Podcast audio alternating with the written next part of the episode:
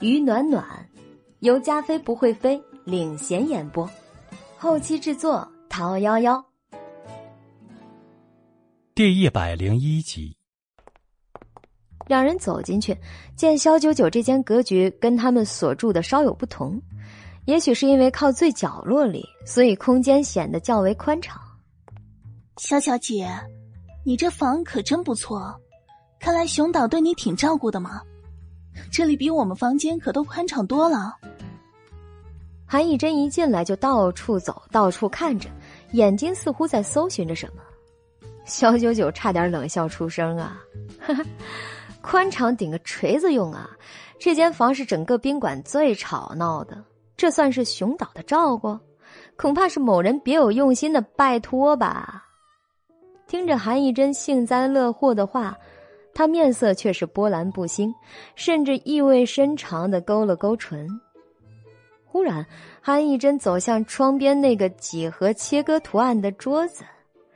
上面那个蓝色玻璃花瓶里随意插着的一束黄色野花，怎么看起来如此眼熟啊？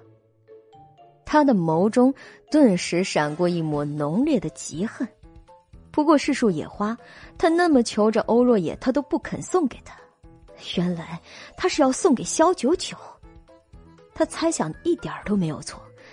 可是当他亲自印证了这个猜想后，心里被极度的毒蛇啃噬的千疮百孔，在娱乐圈里，他顶着第一美女的荣耀光环已经太久了，身边追求者如过江之鲫，因此他从来没想过，有一天自己看中的男人竟会因别的女人对他视而不见。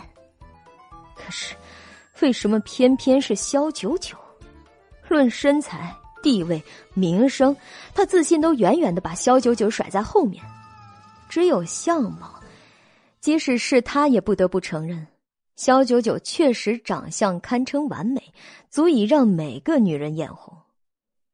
韩义珍遭受打击后，已经完全没有心情在萧九九面前装了，甚至连伪善的笑容都已经挤不出来。他的一张粉脸垮得老长，把那玻璃瓶里的野花直接拔了出来。这是什么花？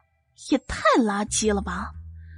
这种不入流的野花根本配不上这个好看的玻璃瓶。韩以真话里有话，把这野花当成萧九九，越看越上火，说着竟直接把花扔在地上，恶狠狠的踩了几脚，直到把花都踩了个稀巴烂。眼前的她哪里还有什么顶流女星的端庄优雅呀？有的只是像个泼妇骂街的妇女一样，毫无教养可言。连叔在一旁看得心惊胆战的，就怕萧九九跟他骂起来。这件事儿若是传出去了，对韩义珍的名声可是个重大损失啊！一向那么理智的他，怎么会控制不住情绪，做出这样的事情来？只怪那个欧若野给他的打击太深了，而奇怪的是，肖九九就在旁边事不关己一般，漠然的看完了全程。直到韩义珍恢复了几分理智，情绪也稍微得到了控制，他这才假装抱歉的对他道：“啊，呃，抱歉，在我眼里实在容不下这种低劣的东西，所以才会忍不住帮你扔了。”好看的花瓶，只有放娇艳的玫瑰，才是最相配的。萧小姐，你说呢？萧九九未置可否，一双眼却倏然冷飕飕的看着他，那眼神直让韩义真打了个寒颤。这是见了鬼了！这女人的眼神怎么这样可怕？说她是野花的，不过是有眼无珠。玫瑰再怎么娇艳，不过是温室花朵，经不起摧残。只有这野花，才能历尽风雨，依然清新如故啊！萧九九淡淡的扫了一眼地上的野花，再抬眸，锐利的眼神依然盯着韩以真。韩小姐，弄坏别人东西要赔偿，这个道理，你总是懂的吧？连叔忍不住嗤之以鼻。切。就这一捧遍地都有的野花，能值几个钱？说出来，我现在就赔给你。钱我不稀罕，但这深更半夜的，韩小姐执意要来探望我，我以为是一番好意。可是你一进来就气势汹汹的把我的花踩烂，这任谁都无法忍受吧？韩以真这会儿清醒了不少，刚才那副泼妇样也消失的无影无踪。只见他一双小鹿一样纯良无辜的眼睛，眨巴眨巴的，好像失忆了一般。根本不记得刚才有做过那样的事儿，那你说怎么赔吧？连叔这会儿只想息事宁人，反正韩一真气也撒过了，一束野花能值什么钱呢？这束花是朋友亲手采来给我的，花本身不值钱，但是这情谊却是价值千金。赔偿的话，就请韩小姐到草地上采来一模一样的，这样我就不再追究。大家就当什么都没有发生过，否则呢，别怪我嘴上没把门的，哪天不小心给说漏了。你连叔白眼直翻，可是却是毫无办法，毕竟这件事儿是韩义真做的欠妥了。本来拍戏的时候，佯装被打肿脸这件事儿，就让他这两天在剧组被议论纷纷的，现在再添个深夜上门采花的闹剧，不知全剧组的人。特别是欧若野会怎么想？好，我采就是。韩以真嗓子软软糯糯的，一点都没有生气，反倒是那我见犹怜的眼神，仿佛刚受了天大的欺负。临走，连叔还狠狠的瞪了肖九九一眼。关上门，肖九九揉了揉太阳穴。这一天天的，真是闹腾死了。让他脑壳好疼啊！连叔和韩义珍回到自己的房间里，刚一进门，韩义珍就发了疯了一样冲到自己的桌子边把那一模一样、每个房间标配的花瓶给砸了个稀碎。这个臭婊子，他以为他算个什么东西？竟敢指挥我做这做那！刚才我真想一巴掌给他扇得脸朝后。韩以真那张原本淡雅漂亮的脸蛋儿，因为极度的愤怒而扭曲了起来。连叔忙安慰的抚摸了几下他的后背：“别生气，别跟这种人置气。世界上就是有这种贱女人，遇到一点机会就蹬鼻子上脸。”韩以真的狂怒让连叔也很害怕，因为他知道他有很严重的躁狂症。虽然有接受相应的治疗，可是一直没多大起色。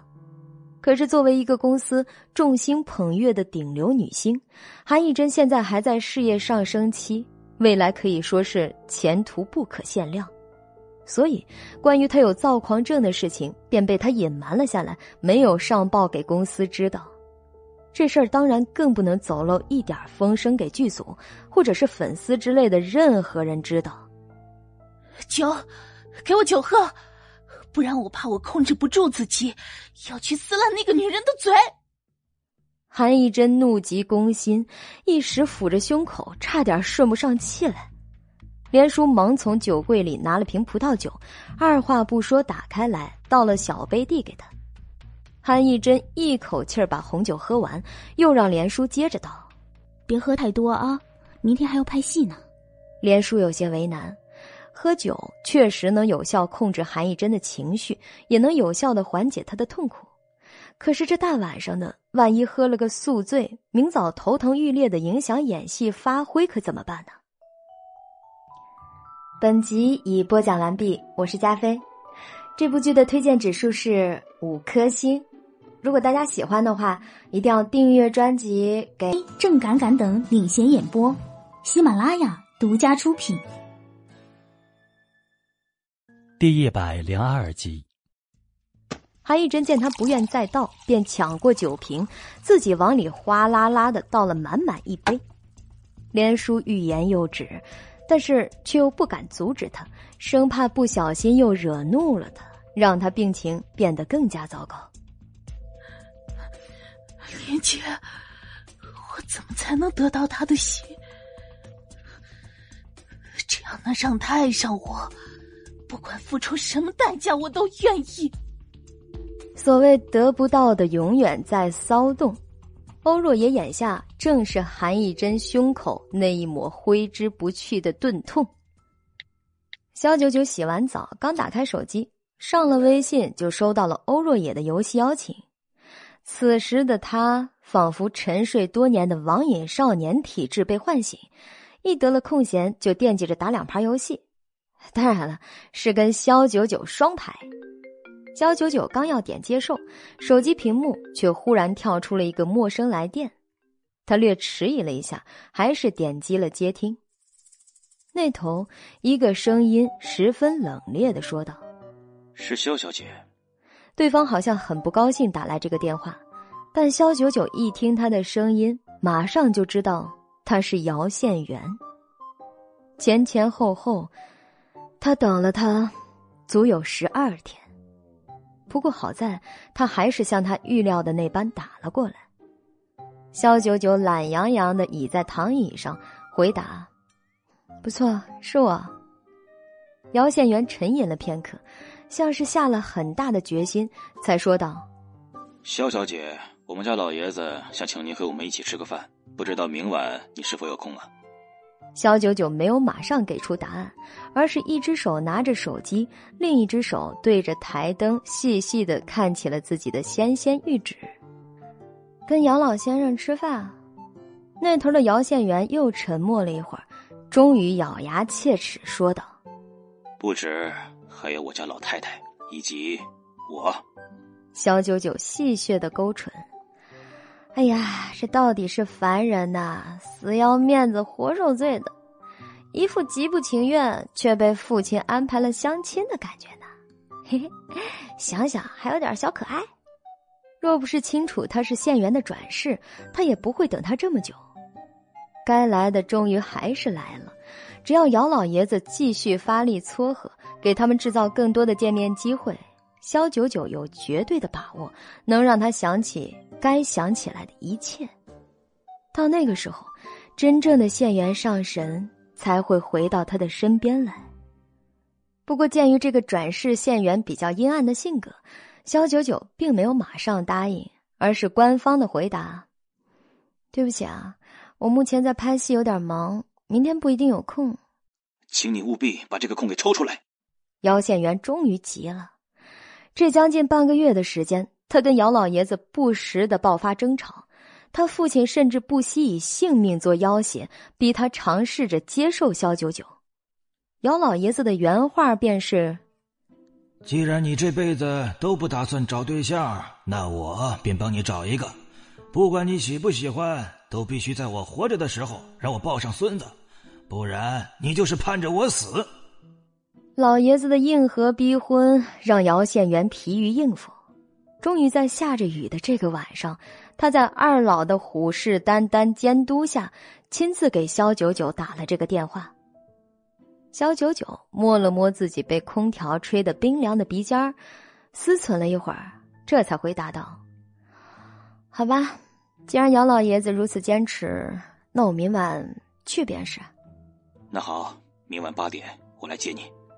姚县元只丢下这句话，便匆匆挂了电话。肖九九有点懵，他好像还没说自己住在哪儿啊。翌日傍晚，肖九九一天的戏份全都是一条过，因此很快就结束了。倒是欧若野和韩艺珍的对手戏 NG 了一次又一次，特别是一场两人意外初吻的戏码，熊景对他们的状态特别不满意。卡。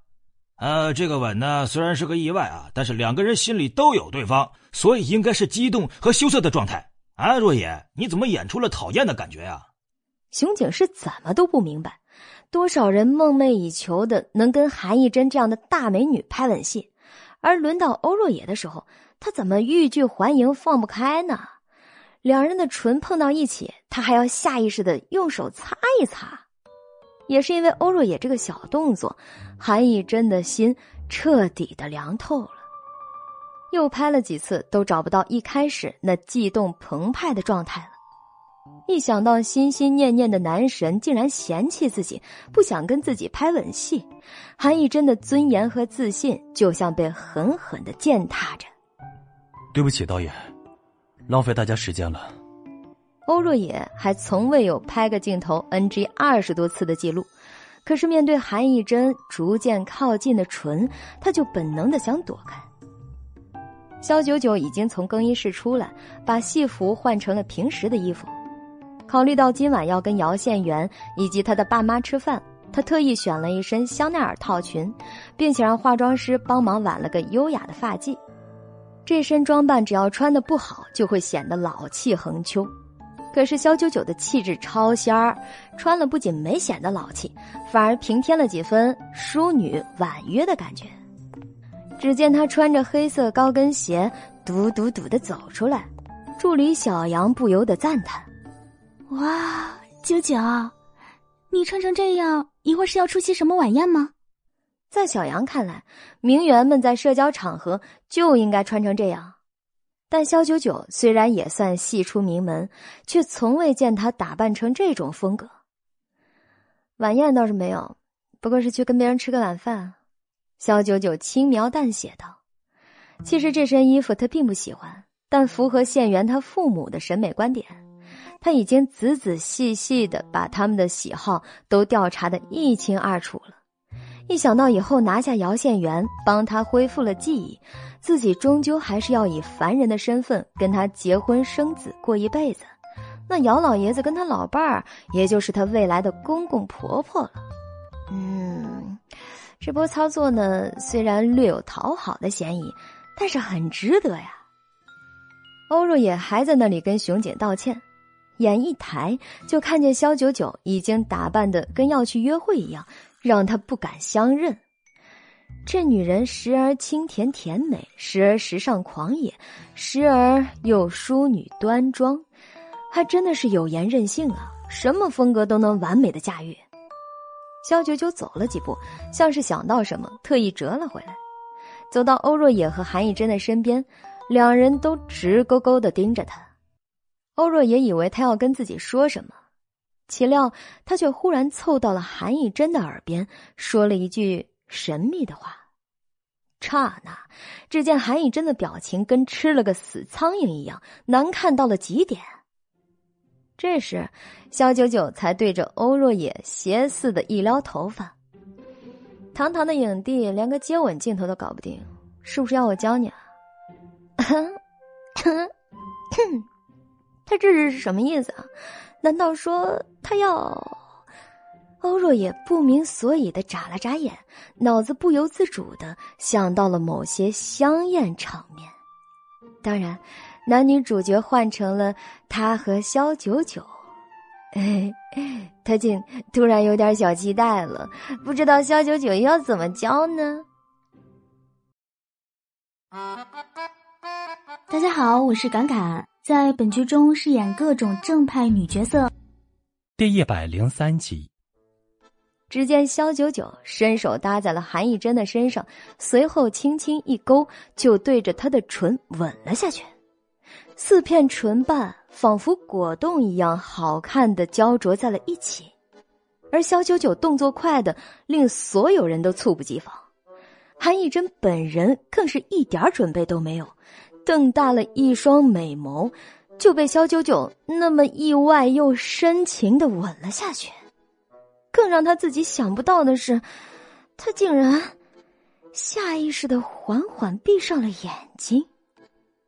直到肖九九的手松开了他的脖子，韩艺珍才仿佛从梦中惊醒。欧若野的眼神分外的复杂，怎么肖九九亲吻韩艺珍的时候，仿佛情圣附体？那一瞬间，他们之间竟然毫无违和感，并且莫名的让人脸红心跳，小鹿乱撞是咋回事啊？你做什么？韩艺珍捂着嘴，眉头打了个死疙瘩，这才反应过来，把肖九九一把推开。他竟然被一个女人给亲了，而且还是肖九九。在众目睽睽之下，大家都看得清清楚楚、明明白白的。而对于围观的剧组人员来说，刚才那一吻实在是太过惊艳。两个好看的女神吻在一起，那是真的美啊！看得他们目不转睛，纷纷表示还想再看。只后悔看得入神，竟然忘了掏手机拍下来了。熊景不禁啪啪的鼓起掌来。哎呀，对对，要的就是这样的感觉！哎，刚才一真表现很好啊，先是惊诧，后面是心动和享受。韩以真的内心，导演，我现在挖个坑埋自己还来得及吗？他要是早知道肖九九说的教欧若野接吻，竟然是拿他当对象，他宁死也不。熊景还没忘了对欧若野说道：“你看清楚了吧？就是要吻出这样的感觉。现在学会了没有啊？”噗的一下，韩以真的胸口仿佛被结结实实的扎了一刀。他跟欧若野接吻，还要肖九九来教，这简直是奇耻大辱。欧若野一时叹为观止，连连对肖九九竖大拇指啊！服了，我是真的服了。这世界上还有什么是肖九九做不到的？恐怕只有他想不到，没有肖九九做不到吧。然而一想到肖九九对有嫌隙的韩义珍都能下得去嘴。还能吻得那么让人心神荡漾，他这才是真正敬业的好演员呐。欧若也心想，若是自己后面还是不能好好的演出这个初吻的镜头，岂不是就这样被肖九九给比了下去，甚至要遭他的鄙视吗？这么一想，欧若也顿时打起了十二万分的精神。而肖九九也在众人敬佩的眼神中站在一旁，一直围观到欧若野和韩艺珍开始拍第二十三次的镜头。这次，欧若野事先酝酿好一会儿情绪，等到他假装不小心吻上韩艺珍的唇时，他的脑子里开始自动的回放肖九九刚才吻韩艺珍的那段。嗯。他一个女人吻女人都可以，他凭什么不行啊？于是他眼睛一闭，眉头皱也不皱，就那样把这个吻给加深了些。而韩义珍此时就跟过了电一样，浑身都颤栗起来。欧若叶终于吻她了，而且吻了许久都没有松开。这次他没有擦嘴唇，也没有表现出任何的不耐烦来。虽然能看得出他是在表现出一个专业演员的素养，可韩艺珍的身子却是慢慢的软了。前一晚的绝望、愤怒，都在这一吻中得到了完全的化解。导演熊景终于喊了一声：“卡，完美！”肖九九也是唇角弯弯，嗯，总算是孺子可教啊，这悟性还算可以。这时，欧若野才把韩艺珍给放开来。韩艺珍眼神朦胧而迷醉，好像刚刚从梦中醒来。熊景对他们的表现满意的是不能再满意了，顿时这嘴都咧到了耳后跟去了。哎呀，辛苦了，辛苦了啊！哎，两位演得很好，呃，先去休息一下吧。欧若野如释重负，转身便要去找肖九九报告一下他的学习心得。却发现肖九九正在接电话，完事儿了就行色匆匆的朝着外面走去了。欧若也很好奇，可是无奈韩艺珍又找上了他，他只能默默的看着肖九九离开。影视城外，肖九九循着电话里线员所说的，找到了停在路边的一辆蓝色宾利，车窗缓缓落下，一张无敌侧颜露了出来。姚宪元目不斜视的对他点了下头，上车。肖九九上车后刚一落座，就发现姚宪元正从后视镜悄然打量他的装扮。肖九九假装没看到的样子，坐下就轻轻松松的玩起了手机。车子缓缓的开动了，许是车内气氛太过沉闷，姚宪元打开了音乐。当重金属摇滚的音乐在车里响起来。肖九九不由得抬眸，他还以为像县元转世这样阴暗的类型，应该听更沉闷的音乐。此时，姚县元忽的开口道：“一会儿去了我家，不要乱说话，不管我爸妈说什么，你都不要随便答应。萧九九未置可否，眯起一双潋滟的桃花眸。我会看情况的。姚县元眉头皱了皱，似乎还想说什么，但是车内音乐声太嘈杂了，萧九九便故作没听见的样子。不一会儿，姚县元便驱车来到了一幢公寓前。作为他们在国内的临时住所，这座房子跟附近的别墅相比，倒是分外的低调，不容易引起注意。电梯直上了十二层，等肖九九走出电梯，却发现门口站着一个老头和一个老太太，似乎已经在等候他多时了。姚老爷子在老太太的搀扶下走上前来，伸手热情的握住了肖九九的。肖姑娘，你能赏脸光临，真是太好了，我还以为你不肯来呢。肖九九莞尔，我跟您也算是有缘。就当来探望一下您，看看您身体的恢复情况，这也是要来的。姚县元的眼底闪过一抹不屑，这女人倒是挺会说话，哄自家老头老太太开心的。果不其然，姚老爷子一听便哈哈大笑起来。哈哈哈，姑娘啊，你真是太会说话了！哎，来来来，快请进，寒舍今天蓬荜生辉呀。他们的公寓在外面看着确实普通。然而，当萧九九走进去，眼睛扫视一圈，屋里貌似简单的陈设，每一样不是大师顶级手工制作，要么就是奢侈品牌仅存的孤品。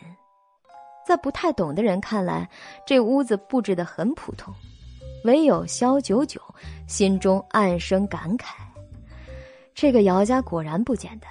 随随便便的国内一间屋子的布置，粗略估算这些陈全演播。第一百零四集，老爷子，您挺有眼光的，这些个物件都选的很好呢。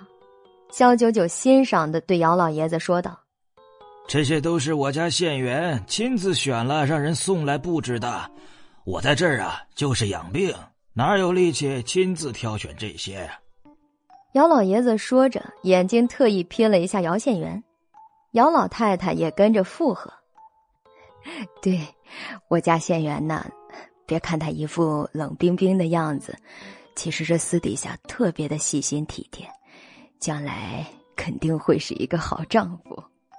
萧九九淡笑不语，完全没有因为他们的强势推销而害怕，但姚县员的脸色明显是有些挂不住了。爸妈先吃饭吧。啊，对了，快吃饭吧！啊，肖小姐呀，你也应该饿了。快来尝一尝，看这饭菜合不合你的口味？这可是我家老婆子特意为你烧的。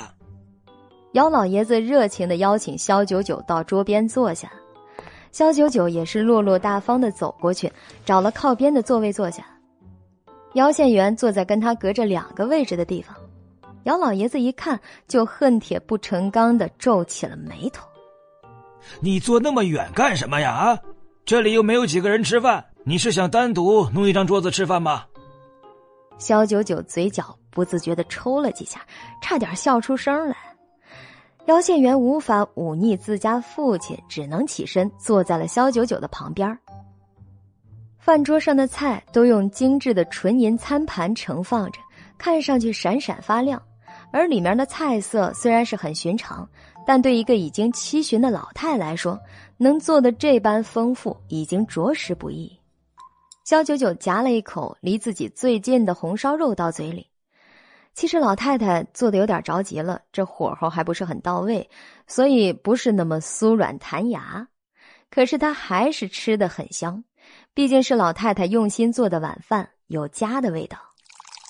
姚老爷子自斟自饮了一杯酒，又问肖九九要不要喝点儿。他一个演员喝什么酒啊？明天还要拍戏呢。姚县元冷着脸替肖九九拒绝了。他心里暗想，既然肖九九这么能装，肯定会故作淑女样推说不会喝酒。既然如此，还不如让他替他说了吧，省着看到他惺惺作态的样子。姚老爷子大感扫兴，狠狠的瞪了他一眼。可这时肖九九却笑得无比镇定从容。姚先生多虑了，剧组没规定演员不能喝酒。只要不酗酒宿醉，影响第二天的工作就行了。对对对，那演员也是人，喝点小酒咋啦？你爸他高兴。姚老太太一听，特别兴奋的站起身，要亲自帮肖九九倒酒，而肖九九却立即拦住了他，笑得谦和有礼：“您是长辈，倒酒的事让我来就好。”他在倒酒的时候，眼睛状似无意的扫了一下这对老夫妻，以及坐在他旁边的儿子姚宪元。看来这姚宪元早已经把他的演员身份告诉给了二老。至于其他有关他的资料，想必他也有顺便调查过一番，只是调查后得到的内容，并没能打消他对他那股天然的警惕，甚至是敌意。他不喜欢他，觉得他是有意设计接近了姚老爷子，治病救人是个幌子，真正的目的恐怕并不简单。但是姚家二老知道他的想法后，却把他给狠狠的批了一顿。成天说这个可疑，那个可疑，我看你才是最可疑的。她一个小姑娘家家的啊，身世清白，长得又那么雪白干净的，还配不上你吗？姚老先生虽不排斥有跟儿子置气的成分，但对萧九九的救命之恩，他确实是心怀感激的。自古都说滴水之恩涌泉相报，何况萧九九救了他两次。这般恩情理应以身相许，不不过当然不是他，而是他儿子才对。再看自家的儿子，一天天说的都是什么混账话？姚家老夫妻二人对萧九九完全不疑有他，并且私下里达成一致，一定要竭尽所能促成萧九九跟儿子的这桩婚事，哪怕姚宪元有千百个不情愿，只要定下结婚日子。他们绑也要把他给绑过来。萧九九倒了小半杯酒，主动站起来敬了姚老爷子一杯。他一仰脖，把酒喝得一滴不剩。这杯祝您健康长寿。姚老爷子顿时叫了一声好。萧九九一杯酒下肚，脸色更显得红润迷人。而姚老爷子也难得碰到这么一个爽直开朗的姑娘，还特别难得的能陪自己喝上几杯。这样的儿媳妇若是错过了，以后恐怕再难找到了吧？哎，萧姑娘啊，我这身子近几日又是有些难受了，怕是上次你说的中了山里的邪祟还没有彻底根除。要是姑娘你有空的话，能不能多来陪陪我？还有你大娘，顺便帮我再检查检查。姚老爷子说着，又咳嗽了起来，一双眼睛不自觉的瞅着姚老太太。老太自然知道他的意思，也马上跟着附和起来。对，呃，我们知道你拍戏忙，不过没关系，哪怕你这个十天半个月来一次，也算是给足我们二老的面子了。嗯。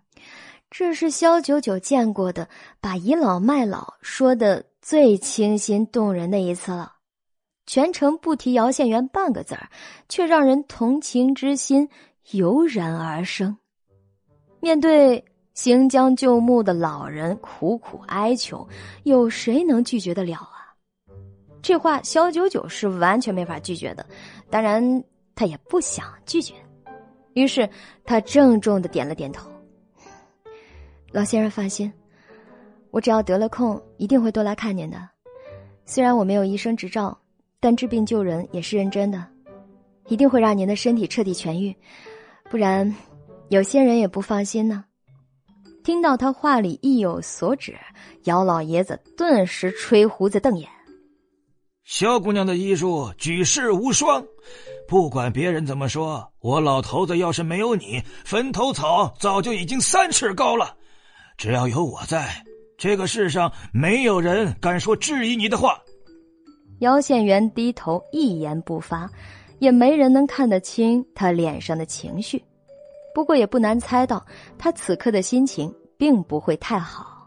毕竟自家爹妈已经内定了萧九九这个儿媳妇人选，现在又跟他聊得这么火热。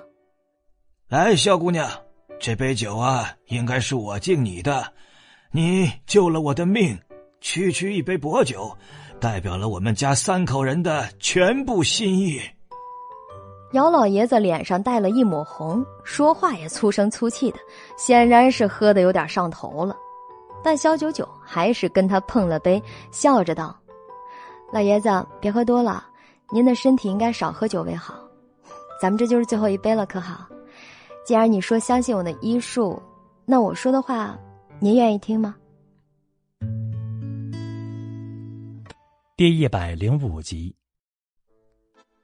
姚老爷子不住的点头，像个小孩子一样欢快的回答：“我听啊，我都听你的。”姚老太太见状，赶紧推了他一把，又对肖九九道：“哎呦，不好意思了，姑娘，我家老头喝多了就这样，平时不让他喝吧，还总是生气。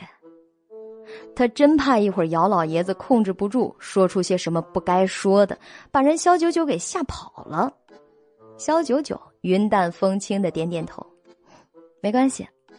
而姚老爷子答应他说不喝了以后，当真后面就没有再喝酒了。这让姚老太和姚县元都颇感意外，居然能有个人能敌得过他的酒瘾。但是姚老爷子上脸逐渐严重，看向肖九九的眼神也横了过来。肖姑娘，只要你说句话。明天我就让我儿子跟你领证。虽说这最终我都是要跟他领证的，可眼下我是个有夫之妇，这事儿可怎么破呀？一时间有些如鲠在喉。谁能想到这次一下凡就在一个已婚女人的身上啊？这给他带来了大大的不便不说。目前看这个顾金飞那形势，好像也不会轻易答应跟他离婚。姚老爷子这边，他还必须得稳住了，不能慌。爸，你喝多了，我扶你回房间。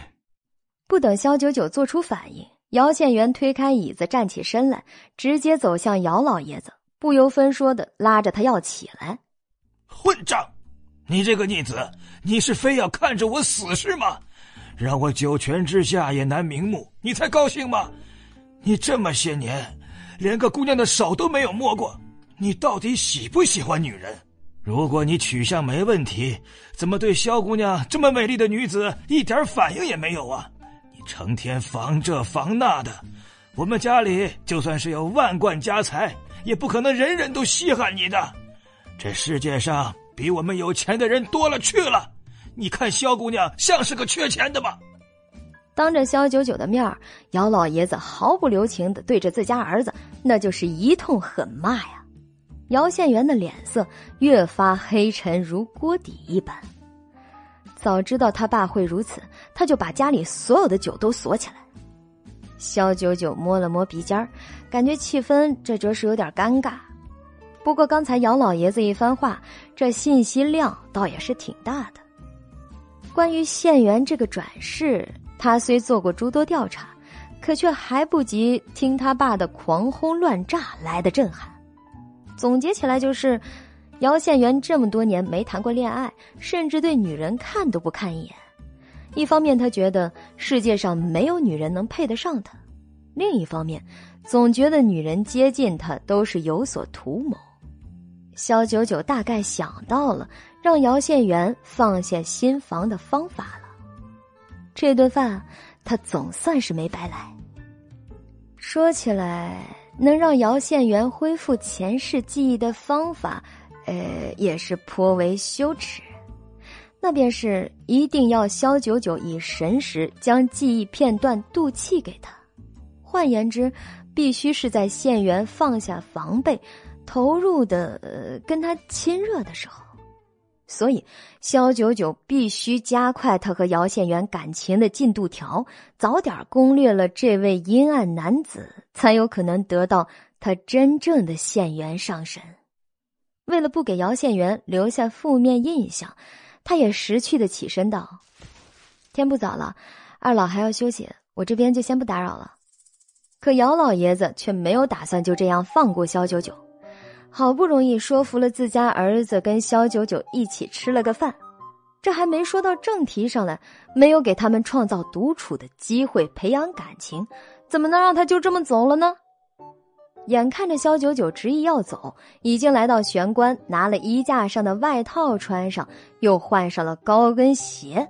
姚老爷子顿时就急眼了，忽然捂着胸口：“哎呀，我这心脏怎么这么难受啊？呃，好像要爆炸一样。”说着，他就缓缓的软了下来，瘫在了姚宪元的怀里。姚宪元一双黑眸闪过一丝犹疑。但毕竟是亲生父亲，他马上叫姚老太太：“快打电话给医院！”打什么电话呀？那医院要是能靠得住，上次也不会叫你来安排后事了。姚老太太絮絮叨叨的说什么也不听姚县元的。姚县元急了，正想自己打电话，玄关处肖九九又折了回来：“老先生怎么了？不如让我先来看看吧。”半小时后，姚老爷子慢慢的苏醒了过来，看着身上的针灸，他欣慰又感激的对肖九九道：“总是要这样麻烦你，真是过意不去啊，小姑娘。”没关系的，老爷子，你身体最重要。看到您没事儿，我也就放心了。肖九九这么说，让一旁的姚老太太感动的直抹眼泪。小姑娘和我们费劲费骨的，能为老爷子的病情如此上心，真是不知道该怎么感激才好啊！姚老太太左思右想，这样好的姑娘，只有当了他们的儿媳妇儿，他家老头子才能不带任何愧疚感的麻烦他给看病啊。而萧九九一双桃花眼，却不易察觉的泛着金光。这老爷子真是调皮啊！刚才他失针之后呢，发现他完全没有大碍。所谓心脏疼的要爆炸，不过是拿来吓唬姚县元，同时挽留他的办法而已。为了配合他的表演，他只得以针灸的名义给他治疗了一下。当然，扎的也都是些无关紧要的穴位。我家老头要休息了，县元呐。哎，你陪萧姑娘到书房待一下，我一会儿啊，呃，有话想对她说。姚老太太忽然说道，像是在给姚县元下命令，语气不容抗拒。姚老爷子当然知道他什么意思，也很聪明的闭上了眼睛，假装虚弱需要休息的样子。萧九九无法，姚老太太这样一说，他又不好马上走掉。只能强行的在姚县元面前碍他的眼了。两人依照老太太的吩咐来到了书房里，只见四面墙上都打满了书架，足足有上百层之多，而每一层上都满满当当的摆着各种各样的书籍，其中以古今中外的名著要点等最多。我爸呀，得病时间长了，自己没事也喜欢研究一些中医典籍什么的。所谓久病成良医，对中医方面，包括针灸，他自己其实也懂一点看着萧九九仰头，似乎对书架上的那些书籍很感兴趣，姚倩元在旁忽然说道：“萧九九却听出了他的弦外之音了，这算是在变相的警告他，姚老爷子可不是什么都不懂，别想用邪门歪道的东西来糊弄他们。”正敢敢等领衔演播，喜马拉雅。独家出品，第一百零六集。这样啊，萧九九勾唇浅笑，眸光里都是戏谑。看来我以后必须要十二万分小心的给他看病了。或许是感觉自己不该如此咄咄逼人，又或许是残留的良心让他感到羞愧。姚县元最终还是抿上了薄唇，没有继续试探，或者是进一步的警告。这时，肖九九看到架子上有一本灰扑扑的厚书，装帧看起来很是严肃。请问，我能看一下姚老爷子的这本书吗？你随意。姚县元只在旁边有意无意的看着肖九九。也不知道他是假装感兴趣，还是真的对这些古籍感兴趣。总之，他父亲的收藏，他知道的，都是他生平挚爱，视作生命。不然他也不会费那么大的功夫，专程从巴黎的家里把他一屋子的书都空运到柳城来。可惜啊，在一般姑娘家看来，他们却不过是晦涩难懂的老古董而已。萧九九打开那本已经蒙尘的旧书，欣喜又贪婪的翻看着一页又一页。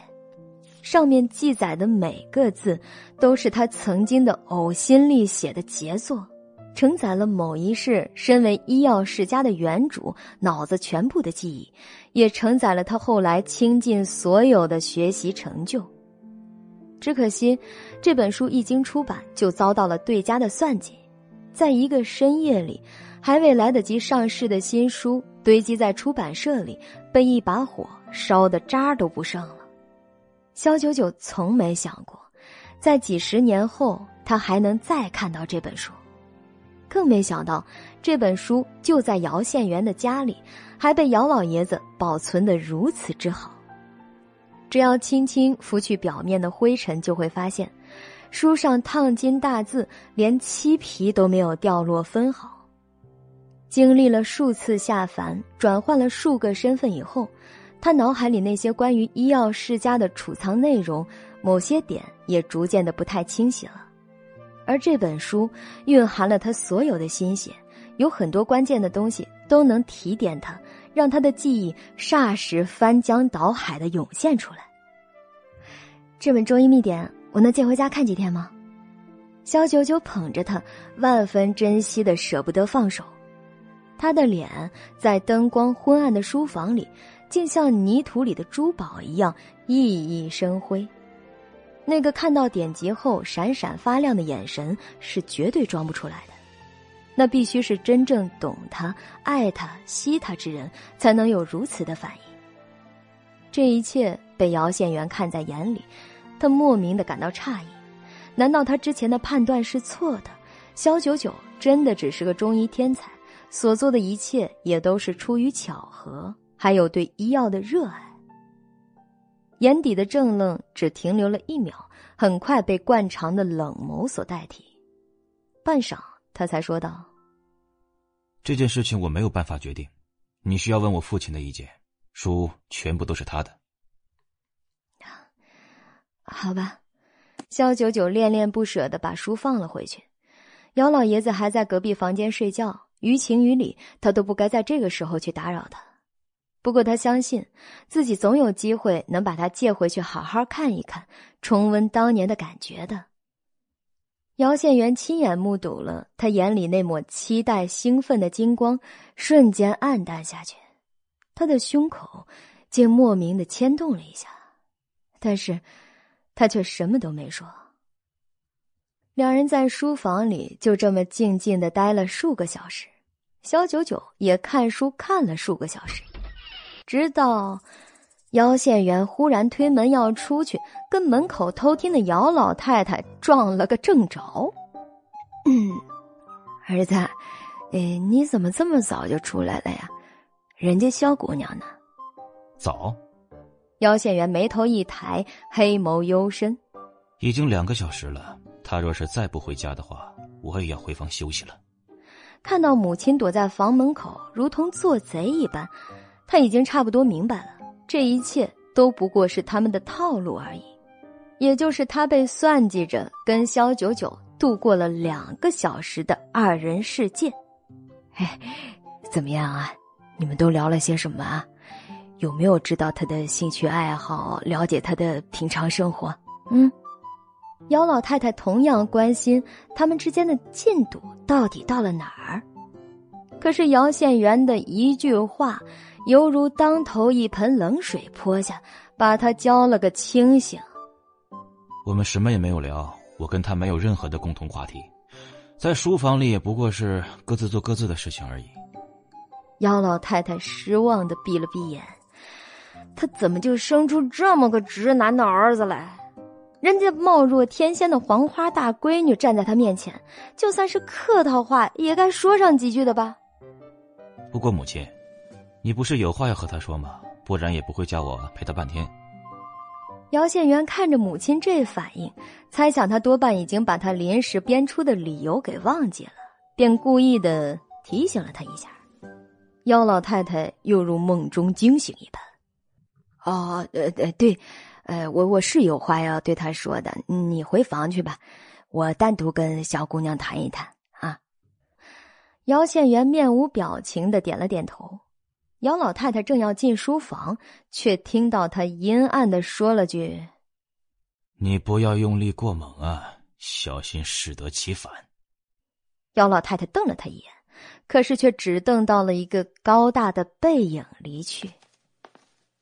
书房里，肖九九见姚老太太进来，便拿了《中医典籍》这本书给她看，然后眼里猛闪小星星的求助道：“请问，我可以借这本书回去看看吗？实在是太喜欢了。嗯，请您务必帮我问问老先生。”姚老太太却是犯了难了，其他的她都做得了主，唯独这满屋子的书她做不得主。一会儿我家老头醒了，我就帮你问他。小姑娘啊，你别着急。既然你这么爱书，老头呢应该不会小气的。借给别人或许不能，借给萧九九嘛，那就另当别论了。嗯，那就麻烦您了。萧九九不舍得又看了一眼那本书。小姑娘，嗯，你觉得我儿子他这这人怎么样？嗯。看着肖九九埋头啃书的刻苦样，姚老太太忍不住在旁边暗戳戳的提到正题上来。这么好的姑娘，要是能对她的儿子像对这本书一样感兴趣就好了呀。肖九九放下书，抬起头来，看着姚老太太，字斟句酌了一会儿，这才微笑着道：“嗯，姚先生人挺好的，虽然话不多，可是做人真诚。”也不玩虚的，那些威胁、警告都是直白露骨，从来都不带一点掩饰的。肖九九心里暗道：“不过这样也挺好的，总比那些善于伪装之徒要强的多了吧。”大家好，我是敢敢，在本剧中饰演各种正派女角色，郑敢敢等领衔演播，喜马拉雅独家出品。第一百零七集，听到肖九九这些正面评论，姚老太太露出一个舒心的微笑。这些可都是真实评论，可不是那些套路好评。看来这姑娘跟自家儿子还是有希望的。接下来只要在姚县园那边再多做做努力。呃，小姑娘啊，呃，恕我冒昧的问一句啊。如果把他当做这个结婚对象的话，你以为如何？看着姚老太太迫切的眼神，他大概是很想知道自己对他们这桩强买强卖的婚事安排的想法了。我觉得，在我没有遇到意中人之前，不排除任何跟他相遇的机会。姚老太太愣了一下，肖九九这番话回答的却是很圆滑了。既没肯定也没否定，却给人无限幻想的空间。最后，他只能不停的帮自己儿子拉分其实，只要你给自己一个机会，你就会发现，或许意中人就在你面前。你不试试，你永远都不知道，他会不会就是你喜欢的那一个。嗯，肖九九心道。不用试了，在他恢复记忆之前，他永远都不是我喜欢的那个县元上仙。只不过讽刺的是，他必须要跨越心理上的障碍，跟姚县元发展成为亲密关系后，才有可能达到这一最终的目的。于是他浅笑盈盈，点了点头，表示同意姚老太的想法。姚老太太伸手扶上了他的肩膀，凑近他，掏心掏肺的说道。我家儿子呀，虽是这脾气臭了点儿，但是人品还是不错的。你也是知道的，他很孝顺，也很有上进心。另外，他还有很多优点等着你一一去发掘。为了推销自家儿子，老太太绞尽脑汁的搜刮词汇，最后还留了一个巨大的悬念给肖九九。肖九九礼貌的点点头，嗯，您的意思我大概明白了。不过这感情的事情必须要双方都有意思，只有我一个人愿意试，那也是没用的。啪一声，姚老太太猛地拍了一下胸脯，只要肖姑娘你开金口，县园那边我和老头子自然帮你搞定。其实他根本没有那么多耐心等他们慢慢的发展感情，恨不得现在就把肖九九跟姚县元关在一个房间里，让他们生米煮成熟饭。可是，考虑到肖九九毕竟是个明星啊，什么世面没见过，怎么能这么简单粗暴的对待一段感情呢？肖九九得到了神助攻加二，心情瞬间大好。只要能让未来的公婆心甘情愿的为他们牵线搭桥，那事情绝对能飞速进展。从姚老先生家出来，天又下起了淅淅沥沥的小雨。本来这六月的小雨还不至于冷，可是台风过境，吹得人凉飕飕的。姚老太太坚持让姚县元送她出来，肖九九却是推辞说不用，回去让人看到了也不太好，这样才勉强让姚老太太放弃了。他晚上是坐着姚县元的车过来的，回去的时候便随便打了辆出租车。就在那明黄色的车子看到他招手，亮起灯要靠边停的时候，忽然大雨中窜过来一辆黑黝黝的身影，嗖的一下猛然钻进了他叫的出租车里。嘿，凭什么他叫的车就这么被人给截胡了呀？肖九九直接走到那辆车的前面，面无表情的看着里面的人。手一伸，意思很明显，截胡不要紧，我不做，但你也别想走了。而那人被淋得浑身湿透，瑟瑟发抖的抬起头来，四目相对，竟然是唐宛如。这姑娘什么时候变得这么没素质了？不太像啊。肖九九走到车窗边，唐宛如也赶紧忙不迭的给他打开车门。嗯，对不起，肖姐。我不知道是你叫的车，我实在是太冷太难受了，又没带伞，只能厚着脸皮。见到唐宛如一头长发湿淋淋的贴在身上，衣服、裙子还有鞋子都能拧出水来，那模样真真是狼狈不堪。而肖九九呢，好歹还带了把伞出来，于是他转而抿了抿唇：“没事儿，我要知道是你啊，也就让给你了。”小姐姐。你去哪儿？我们一起吧，车钱我付就行了。唐宛如看到肖九九不怪罪他，顿时长长的舒了口气。肖九九也不推辞，淡淡的说了声好，便坐到他身旁，关上车门，对司机道：“先去金氏大酒店吧。”金氏大酒店，安庆影视城旁边那个呀。司机踩下油门，出租车在雨夜里慢慢前行。后座上，唐宛如这才跟肖九九聊起天来。小姐姐，我最近正想找你，好不容易打听到你在安庆影视城拍戏，正好柳大爷离得不远，明天没有课，所以我大晚上想约你出来。嗯，没想到到了这附近之后，手机就没电了。肖九九眯着眼看着唐宛如。他在安庆拍戏，还住在附近宾馆的事情，除了经纪人妙姐，还有钱无义以及姚家人，就没有别的人知道了。钱无义和姚家人是唐宛如绝对不可能联系上的。你认识妙姐？啊？什么妙姐？唐宛如被突如其来的问话弄得一脸懵然，肖九九便了然于心了。唐宛如能有何渠道如此神通广大的知道他的最新住址？想也知道，那肯定是他哥唐诺呀，拜托了手眼通天的顾金飞。一想到顾金飞那家伙还在密切留意着自己的一举一动，肖九九心里就有些莫名的情绪。然而，就连他自己也说不清，这情绪是喜是悲是怒还是忧啊？肖九九敛住心神，回到眼前的唐宛如身上。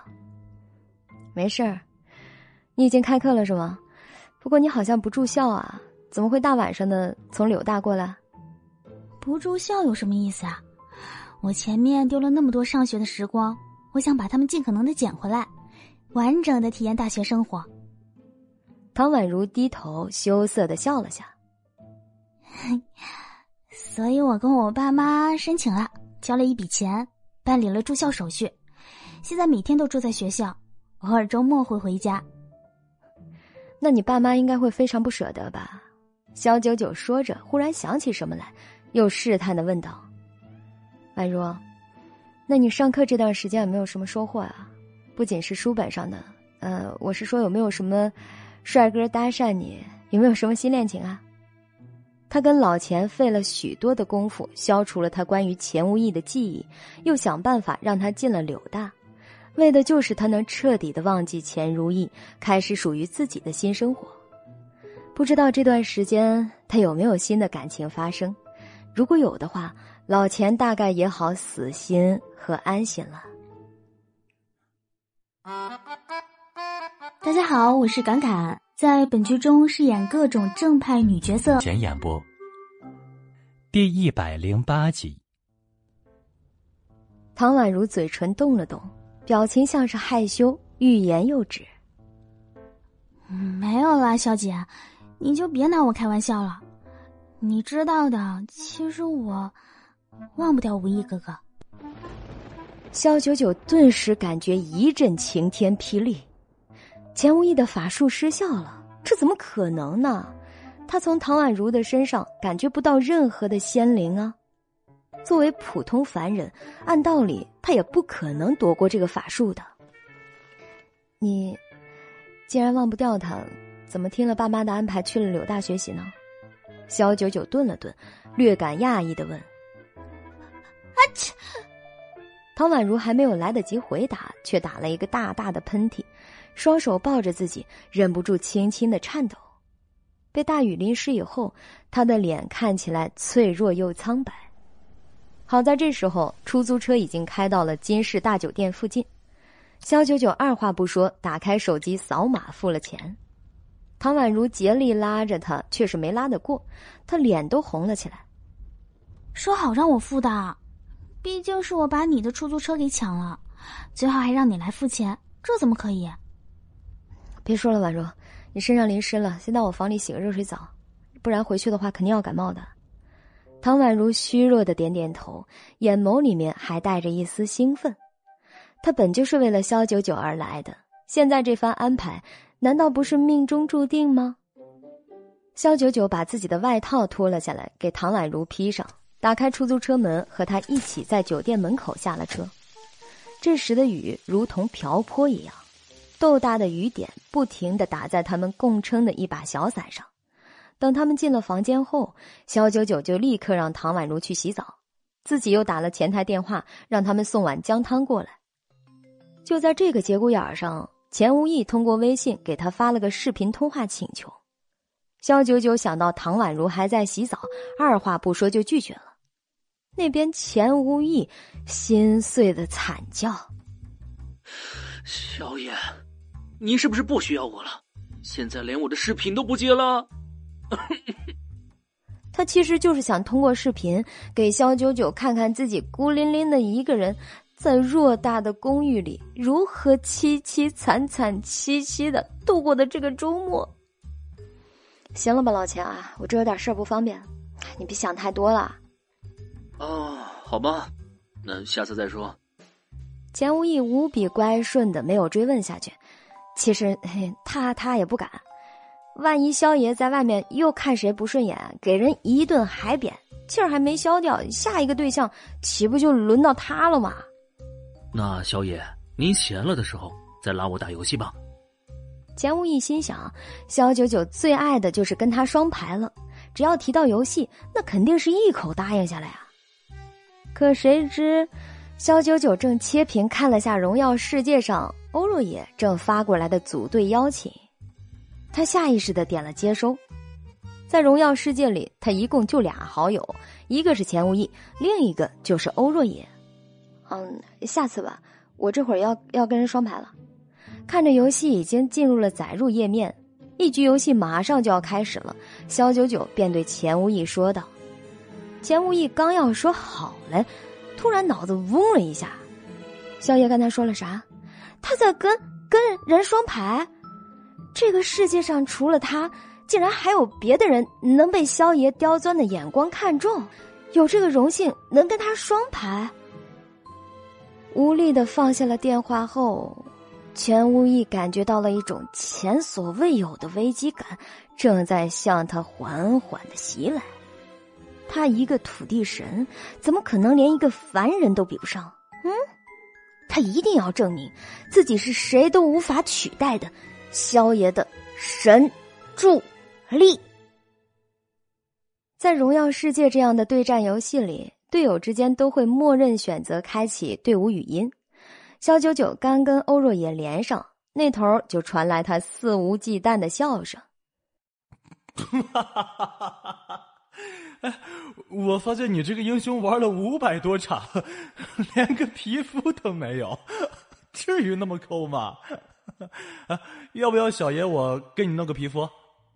经过若干天的双排，欧若野已经跟萧九九在游戏中建立牢牢的兄弟情谊，以至于每次开组队语音后，他打着打着就开始放飞自我了，展现在萧九九面前的像是个脱胎换骨的另一个人。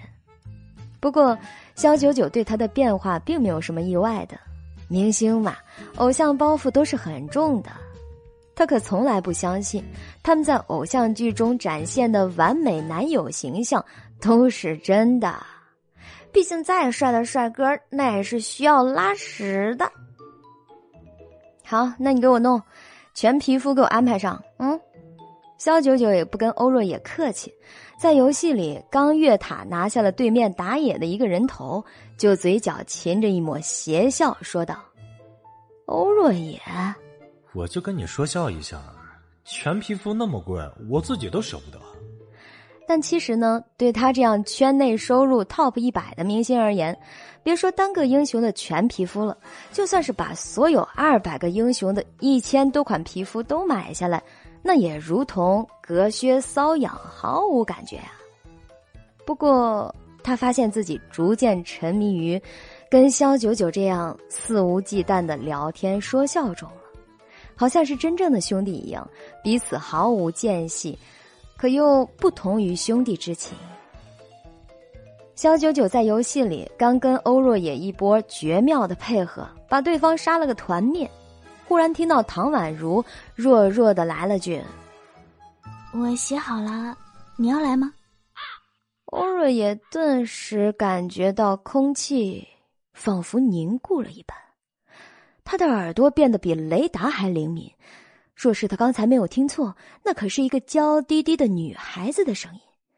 他在肖九九的房间里洗澡，还叫肖九九也来洗。这个，这个，这个，这个，肖九九却是自然而然的说了声：“不了，我过会儿打完这把游戏再说吧。”他抬眼瞥了一眼唐宛如，已经换上了睡衣，便对他道：“你先去床上躺着吧。”欧若也连呼吸都不敢太大声，生怕肖九九忽然意识到自己忘了闭麦。一局游戏打完，肖九九便对欧若野道：“我有点事儿，先不玩了啊。”欧若野半天才犹犹豫豫的回道：“呃，原来你没忘记自己还开着麦啊。”小九九倒也没有想那么多，只是觉得他有点古怪，于是草草的说了句“挂了”，便退出了游戏世界。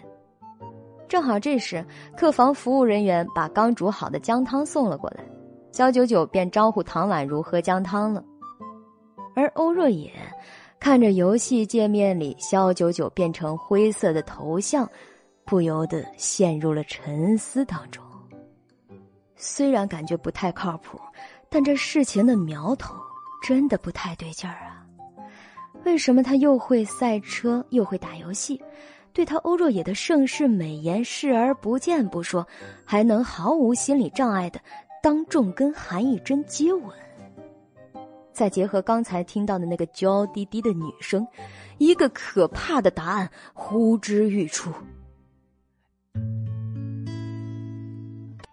第一百零九集。房间里，肖九九静静的看完唐宛如把姜汤喝完。你好些没有啊？如果身体还是不舒服，就在我这儿睡一晚吧，明早再回去。我打电话给你爸妈说一下就好了。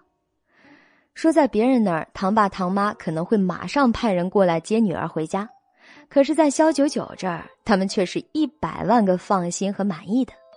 如果连肖九九都无法保证唐宛如的安全，那这普天之下也没几个人能保证得了了。唐宛如点点头。喝完姜汤、洗完热水澡的她，身上顿时暖和起来，脸上恢复了少女的亮堂和血色。这么晚我一个人回去也害怕，那就 恭敬不如从命，要麻烦小姐姐你一晚啦。唐宛如重新躺回被窝里，把被子往上拉了拉，一直盖到下巴，冲着肖九九离我浅笑，甜的能瞬时萌化人心。他这样根本就是早就打算赖在他这里了吧？不过肖九九也不与他计较，这小妮子笑起来真的是糖分超标啊！这是严重违规的。她一个女人，啊不，女神仙见了都有些心动，何况是钱无义那个无聊了上千年的土地神呢？一想到唐宛如在跟钱无义相处的初期。就是这样，常常不经意的对着他展露笑容，肖九九忽然能理解为何钱无义开始会幻想和唐宛如在一起了。夜已深，肖九九也觉得疲乏，于是立即洗漱完毕，上床跟唐宛如一人一个小枕头。洗是累了，他一会儿就合上了眼皮子。可是唐宛如却在黑漆漆的夜里大睁着双眼。他看着肖九九的侧颜，满脑子里在思念的都是钱无义。因为肖九九跟钱无意的关系亲近，是唯一一个知道他下落的人。他躺在肖九九的身边，便幻想着是躺在钱无意的身边。小姐姐，我好想再见他一面，哪怕就一面。他小声的喃喃自语。肖九九却是纹丝不动，似乎已经睡熟了。唐宛如失望的眨了眨眼，又叹了口气：“啊，你知道吗？在他无情的和我断绝联系的这段时间，我从未停止过对他的想念。我好像发现，我喜欢上他了。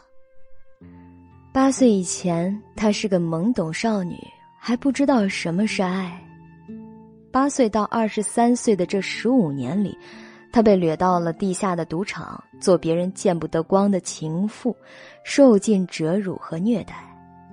即便肖九九救了他出来，他也一度自卑的根本不敢幻想，这世界上还会有哪个男人会真心的待他。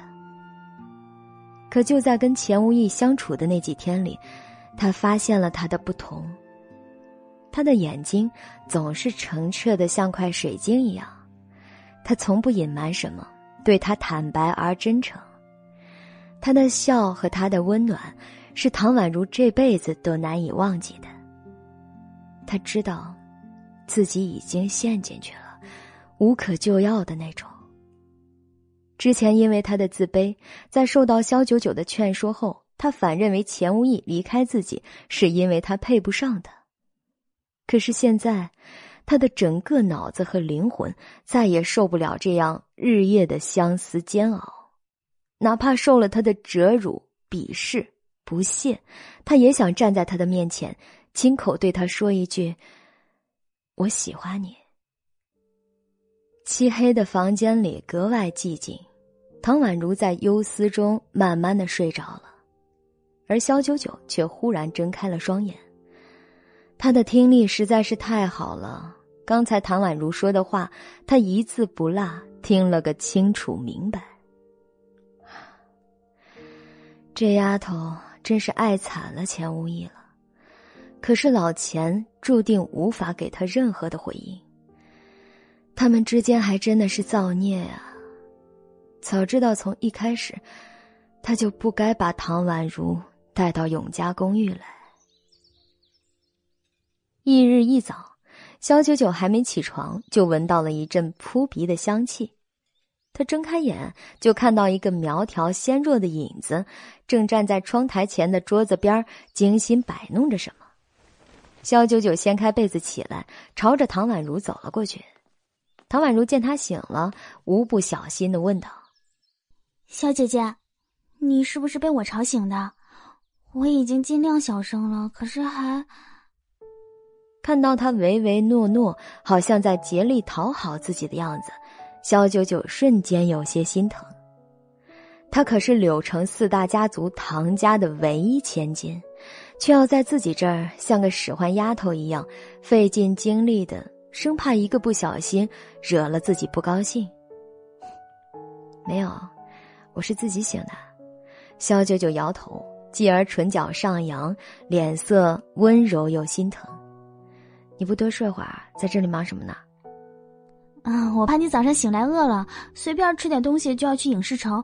我特意让酒店厨房准备了这些，也不知道合不合你的心意。毕竟你的厨艺那么好。唐宛如兴奋的像个小狗，站在桌边，一脸期待的搓着手。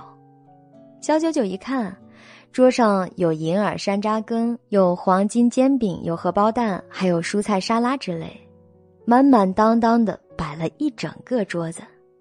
肖九九轻笑：“ 这么丰富，怎么可能不好吃啊？谢谢你啦，宛如，来，我们一起吃饭吧。”唐宛如却连连摆手：“嗯，不了，我一早起来还没洗漱，我先冲个澡。他不是昨晚才洗的澡吗？怎么今天一早又要洗啊？”但肖九九面上却是不动声色的，淡淡的应了声好。看着唐宛如欢快的跟个小鸟一样去洗手间，关上了门，他不由得陷入了思考。其实他自己有些洁癖，譬如不管到哪里坐下，都要先用纸巾擦拭桌椅板凳，也永远用不惯别人的东西，什么都要自己备一份。可是现在回想起来，唐宛如似乎总喜欢洗手、洗澡、刷牙，反反复复。不停的洗，这已经不是简单的洁癖了，这是有严重的强迫症吧？就在洗手间里传来哗哗的水声，唐宛如正在沐浴之时，房间的门叮咚叮咚的从外面被按了个不停。来人似乎没有什么耐心，又不得不来打扰。肖九九起身开门，却看到连叔站在门口，不耐烦的递过来一束花。那。这是你要求的，昨天义珍亲自去采的。韩义珍并没有亲自送过来，只有连叔一人过来。肖九九粉唇一勾，想也知道这花可不是身娇肉贵的韩义珍能亲自采的。那草地里有无数的蚊虫，他又怎么可能受得了那种苦啊？但肖九九不想跟连叔计较这些，花采来了便是，他懒得追究那么多了。于是他拿了过来，淡淡的说了声好，便要关上房门。可是洗手间里不停的传来水声，却让连叔的耳朵瞬间的就竖了起来。你房间里有人？哼，肖九九，你该不会是藏了男人在里面吧？协议里可明确说了，所有演员在剧组提供住宿的酒店里，不得随便带外人住宿，更不允许和医者于暖暖。由加菲不会飞领衔演播，后期制作陶幺幺。第一百一十集，连叔双眼放出邪恶的光芒，终于被他抓住肖九九的狐狸尾巴了吧？这个机会，他和韩义真真的是等的太久了。今天要是不进去看看，把事情给搅和大了，他就不是娱乐圈第一王牌经纪人。说着，连叔根本不等肖九九解释，强行推门要进去看个究竟。可是肖九九却只用一只手撑着门，就让他使出浑身吃奶的力气去推，也纹丝不动。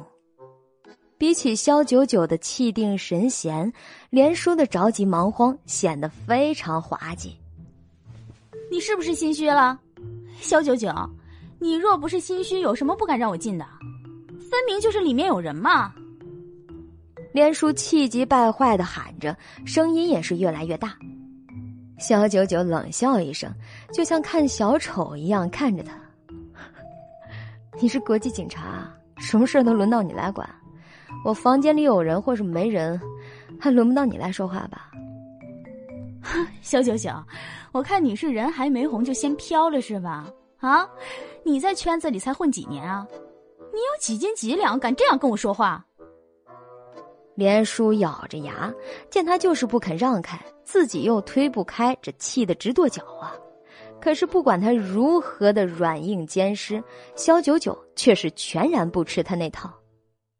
直到因为争吵的声音太大，把韩义珍、欧若野都引了过来。欧若野隔着几个房间听到走廊里有争吵的声音，又听到“肖九九”三个字，已经把大概的缘由猜了个七七八八。而韩义珍过来，则是纯属想看肖九九如何出丑，但当着欧若野的面他纯良的人设还是要熬一熬的，啊，哪怕硬熬。怎么了，莲姐？我找你半天，你怎么在这里啊？韩义珍对连叔为什么来找肖九九，自然是心底跟块明镜一样的，可是他得装作不知情。万一连叔没占到上风，自己也好及时的撇清关系，全身而退。连叔一手叉腰，一只手像指证罪犯一样指着肖九九道：“亦臻，正好你们来了，那大家一起上，看看肖九九房间里到底藏着什么男人，真是太不像话了。我明明都听到他人站在门口，卫生间里有冲澡的声音，不信你们听，啊？”肯定是他耐不住寂寞，把哪个男人带回来过夜了。咱们剧组可是有明确规定的，绝对不能带人回来过夜。肖九九才来几天呀，就公然违反了这条规定，他简直根本不把整个剧组放在眼里。连叔说完，气势汹汹的双手环胸，一副带着众人上门抓奸的模样。对于一个明星来说，特别是女明星。私生活本就是娱乐圈八卦关注的焦点，更别说还带了个男人过夜，那更是新闻的劲爆点呐！一旦肖九九被坐实了，在剧组甚至在整个娱乐圈，那以后都将是岌岌可危的。韩以真却是皱着眉头，不停的示意连叔小点声：“莲姐，轻点声。九九和我们在同个剧组，大家都是同事。”这种事情可不能乱说的，万一被人知道了可不好。你说对吧，若野？说罢，他抬眼看着欧若野，而他呢，却是紧紧的抿着好看的唇，表情未置可否。你们要是不信，现在大家一起进去看看就知道了。我有没有说假话，一看便知。连叔企图煽动气氛，让大家一起推门进去。韩以真对连叔办事儿还是比较放心的。若不是有把握，他是不会轻易这样把事情闹大的。于是他的眼底不由得露出了一抹庆幸。还好，还好，欧若也在这里。如果他真的喜欢肖九九，此时此刻应该会非常愤怒吧？因为肖九九根本就没把他当回事儿，还偷带了别的男人过夜。这对于一向骄傲的欧若野来说，那是何等的屈辱啊！可让韩义珍意外的是，想象中欧若野的滔天怒火并没有看到，他却从头到尾都是一副看戏的模样，甚至无聊的打了个哈欠。我相信九九，事情肯定不是他说的那样，而且我们也没有权利来查他的房间。都散了吧。回去准备准备，马上要开工了。肖九九浴室里的水声，他也听到了。他第一时间联想到的就是昨天晚上那个娇滴滴的女生。肖九九，他的品味果然是不同凡响啊！深感震惊之余，他辗转反侧一晚上，也慢慢的接受了这件事情。还好他还没有喜欢上他，不然的话，结局实在是太凄惨、太可怜了。连叔瞪着双眼，不可思议的看着欧若野，他这是护短护的失去理智了吗？肖九九偷偷带男人回来过夜，他就不信欧若野当真不感兴趣？这几天里，他们之间的关系进展神速，一有空就凑在一起打游戏，这可是大家肉眼可见的事实啊！说不在乎他，怎么可能呢？除非是他为了面子硬撑，假装不在乎罢了。行，既然欧若也不信，那我们就叫熊导亲自过来看看好了。连叔马上拿出手机，熟练的按下快捷键，拨通了熊警的手机。把肖九九房间的情况添油加醋的描述了一遍以后，熊警果然震怒了。你们在那里等着，我马上来看看。这也太不像话了！协议里明明都写着呢，影响太恶劣了。身为本剧女二号，这绝对不能纵容。听到熊景这样说，连叔心里舒坦的就跟六月天里饮了冰水那般畅快。熊景杀气腾腾的挂断电话，打算今天就用肖九九开刀杀一儆百。谁让他那么不小心又那么大胆，正好被韩义珍和连叔发现了呢？你给我等着，肖九九！我就不信熊导也没资格检查你。连叔幸灾乐祸的抱胸，堵在门口，一副等着看肖九九如何出丑的样子。就在这时候。肖九九房间持续不断的水声忽然停了，接着就听到一阵拖鞋踏踏踏在地板上走过的声音，再接着，一个披着长发的女孩一脸无辜的走到门口，好奇的看着这热闹的阵仗。小姐姐，他们是谁啊？刚才外面吵吵闹闹的，发生了什么事？连叔和韩以真都沉默了。难道说刚才洗澡的，就是这个女孩子？看她头发还未吹干，身上穿着浴袍也没有来得及换，肯定是她无疑了。连叔和韩以真的心在同一时刻很有默契的快速下沉，而就在这个时候，熊景带着副导演南山杀气腾腾的赶到了现场。本集已播讲完毕，我是加菲。这部剧的推荐指数是五颗星，如果大家喜欢的话，一定要订阅专辑。给第一百一十一集，让开，让我看看到底是怎么回事。熊景正要进来，却看到韩义珍跟连叔面面相觑，肖九九的背后站着个女孩，是个生面孔。肖九九这才从鼻子底下冷哼了声，不紧不慢的说道：“熊导，莲姐说我房间里藏了个人在洗澡，肯定是个男人，所以死活要进来搜。现在您来了，不如帮我看看吧。除了这女孩以外，我房间里可还有人？”唐宛如咂舌的摸摸脑袋：“小姐，原来是我给你惹祸了，我对不起你。这……”连叔恶人先告状，眼看要功亏一篑，他十分不死心的推开唐宛如。那我还就要进去看看。一行人都跟着进了萧九九的房间。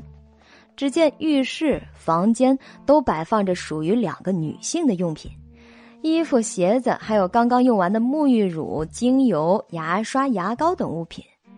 这已经完全可以证明，这房间里根本就没有什么所谓的男人。熊景的脸色顿时有些不太好看了。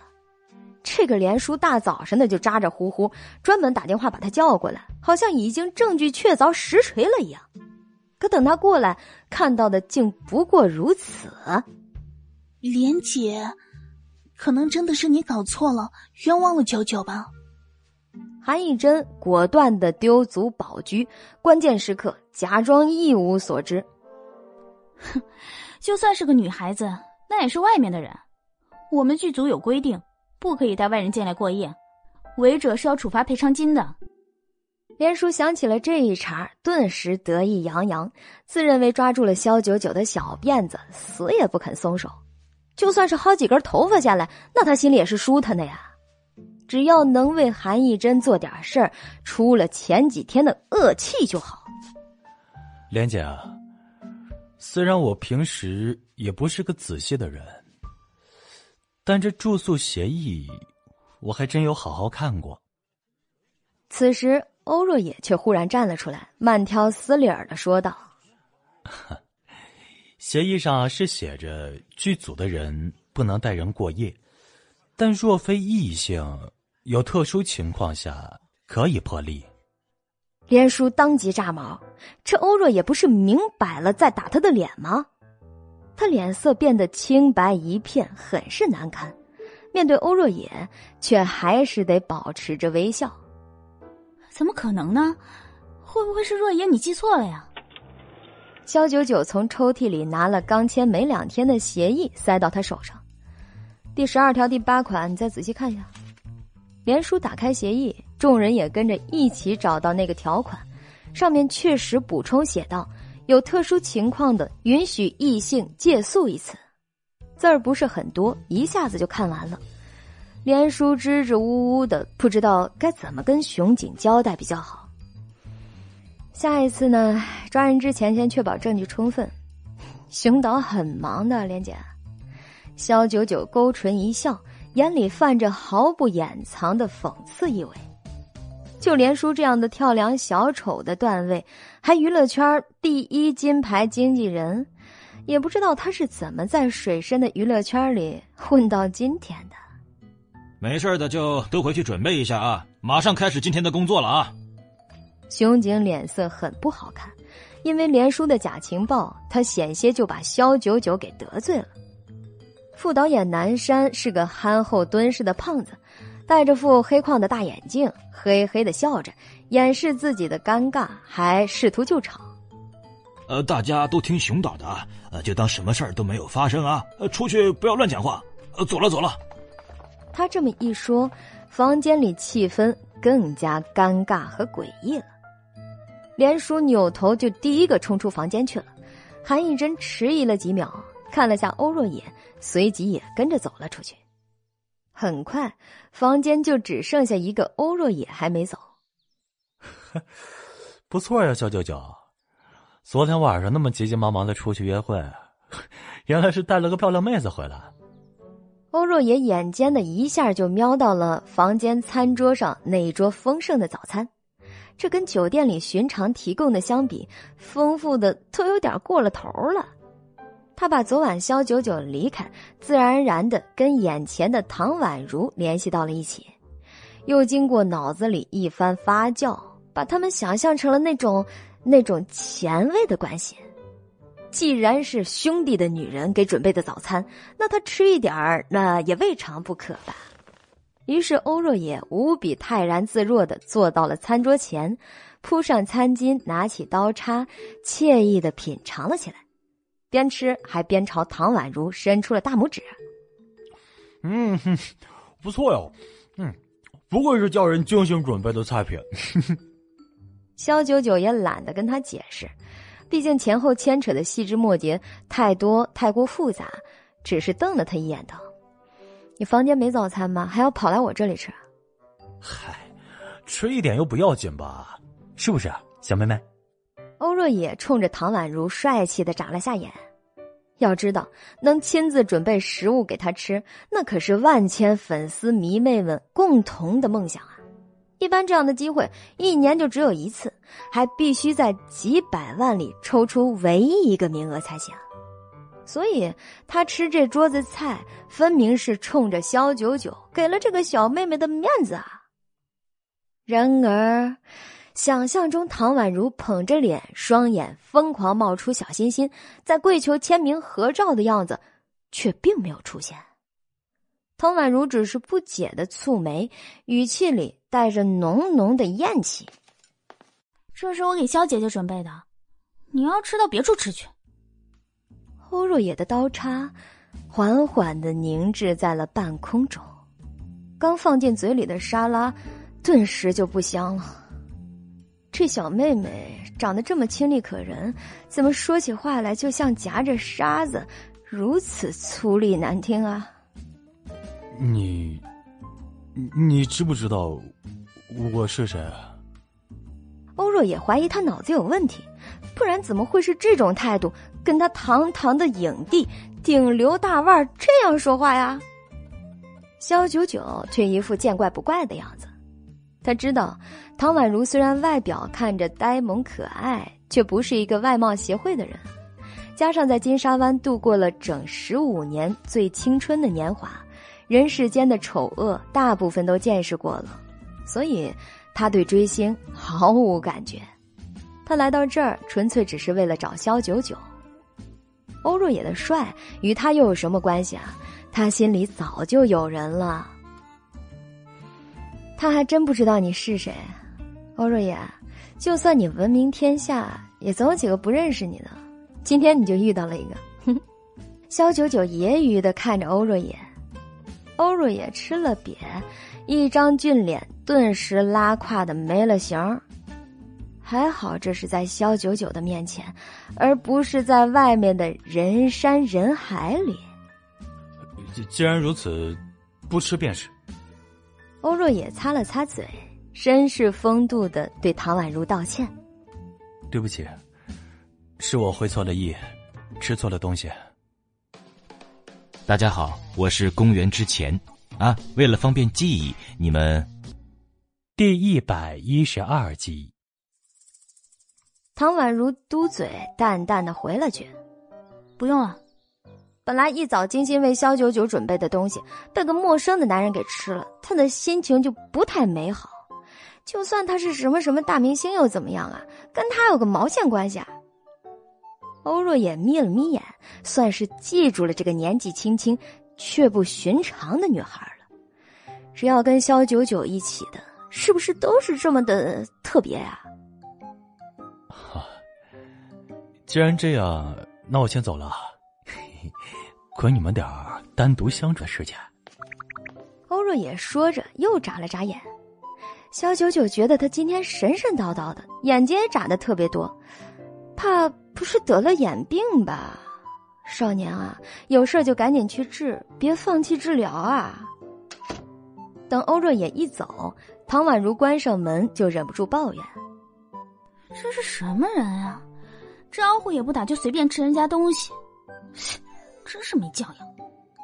萧九九失笑，还好这欧若野已经走了，不然听到唐宛如这样说，估计那自尊心绷不住就得吐血了。你刚才怼了万千少女的偶像一脸，你可真是厉害，都让我刮目相看了。萧九九觉得唐宛如跟过去那个娇弱的样子已经有所不同了，对于自己不喜欢的人、不喜欢的事情，也逐渐敢提出抗议。这倒是一个非常好的走向，起码这意味着他已经能慢慢的融入社会了。唐宛如咂舌，惊讶道：“是吗？就他还万千少女的偶像，现在对偶像的要求也太低了吧？根本一点门槛都没有。”说罢，他忽然笑眯眯的用双手撑起下巴，看着肖九九，那目光跟铁杆小迷妹没有什么区别。跟她比起来。萧姐姐，你可强了不止百倍！你长得又漂亮，身材又好，又善良，又正义感爆棚，又能打，像那样的男人，你估计一拳能打趴下十个。见唐宛如开始无脑吹彩虹屁，萧九九不由得抿唇。行啦，这种大实话何必说出来？其实欧若野那种段位的，他一拳应该能打二十几个不在话下。小九九说着，眼睛还下意识的看了看自己的拳头，因为肖九九一会儿就有戏要拍。唐宛如当即收拾完毕，把自己弄得清清爽爽、漂漂亮亮的，跟在他屁股后面就去了安青影视城。肖九九倒也没有阻止他，毕竟每一天安青影视城都是人山人海，围观拍戏的热情粉丝不下数万人。肖九九到了剧组。工作人员见他后面还带了个小尾巴，还以为是新来的助理，也没当回事儿。只是当他经过韩艺珍身边的时候，连叔别开脸，暗自愤恨的翻了个白眼儿。就是这个女孩，让他在导演和副导演面前都丢尽了脸面。肖九九快步走着，边跟唐宛如说道：“待会儿我忙起来的话，就没工夫管你了，你自己要注意啊，别跟韩艺珍那会儿靠得太近。”特别是他那经纪人，可能会咬人的。唐宛如吐了吐舌头，调皮又愉快的回答：“知道了，小姐，我我会远离咬人的毒蛇。接下来的时候，唐宛如一直很乖巧的围观剧组拍戏，一双大眼睛好奇的看看这儿，瞧瞧那儿。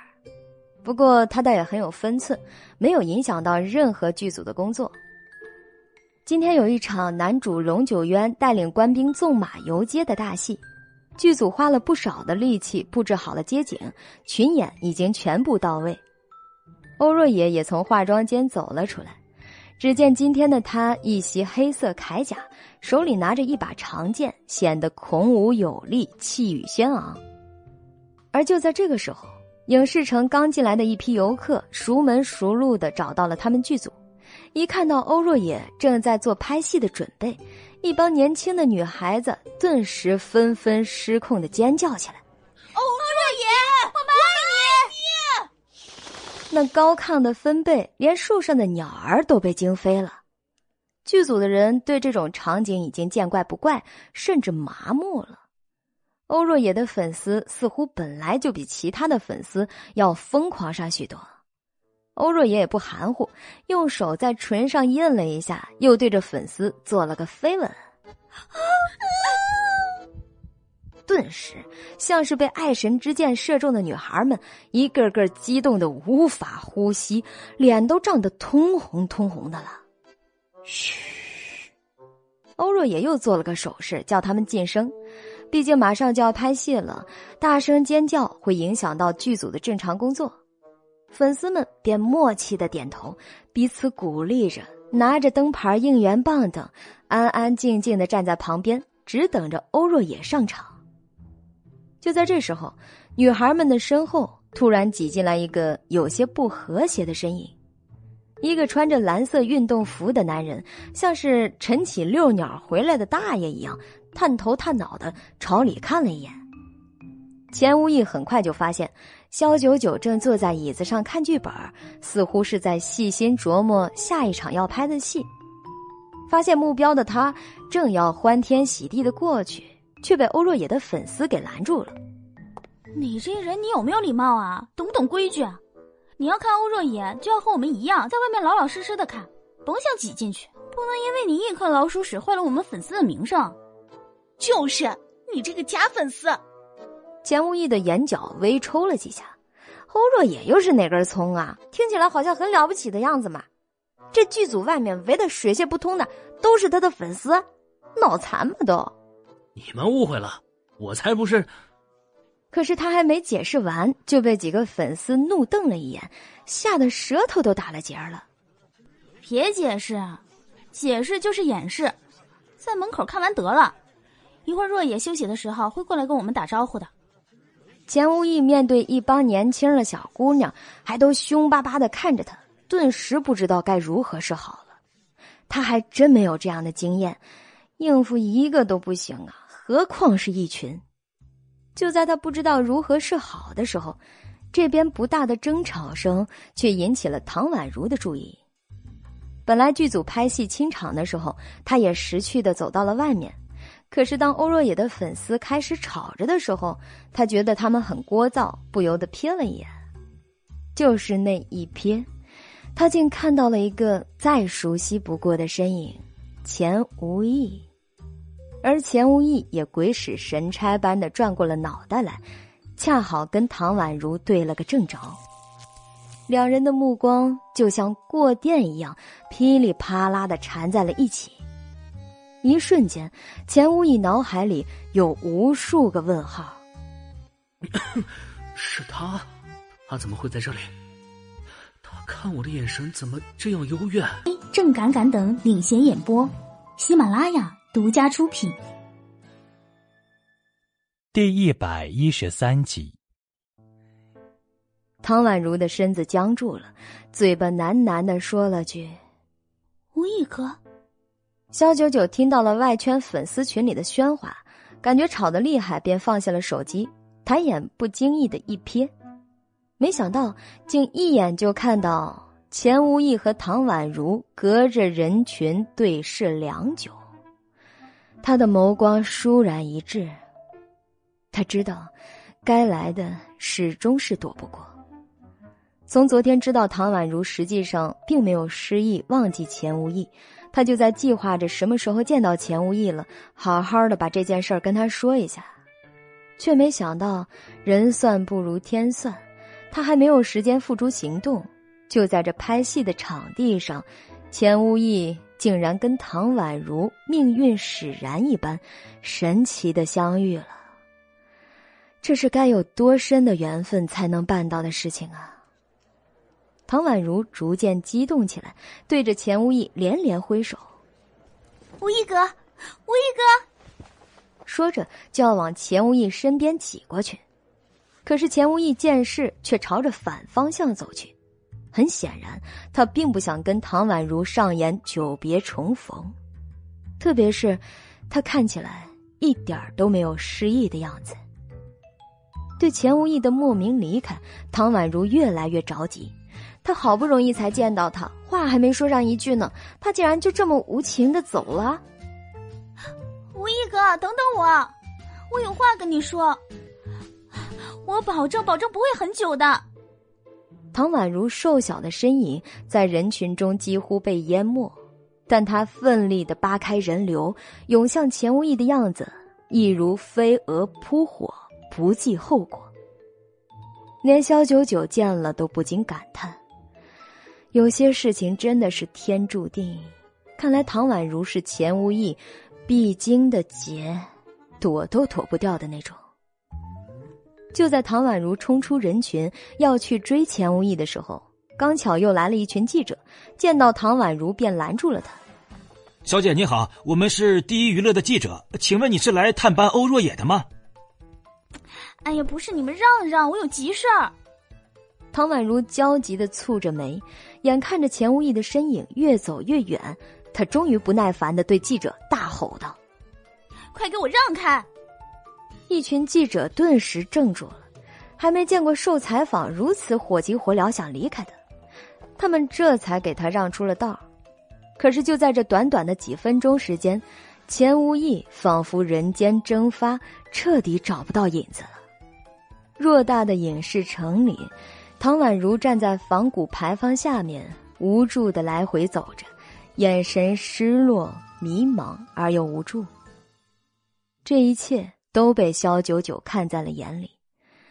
其实他的心也并非是石头做的，之前一直不愿钱无义和唐宛如见面，不过是怕以后二人不能在一起，会反耽误了唐宛如的一生。可是眼看着唐宛如如此痛苦。萧九九不由得叹了口气：“啊，这凡人呢，真的是好麻烦呐。”说着，他便拿起了手机，拨通了钱无义的号码：“老钱，你马上到影视城来一趟，我有重要的事儿跟你说。”萧爷，今天就别了吧，我我没空。那头的钱无义哆哆嗦嗦，刚才见到唐宛如的瞬间。他的心脏几乎惊跳的要在胸膛里炸裂开来，他怕再遇到他，自己会控制不住自己，到时候事情一发不可收拾，萧爷会不会把他剁碎了喂狗啊？叫你来你就来，怎么娘们唧唧的啊？你还是不是个男人了？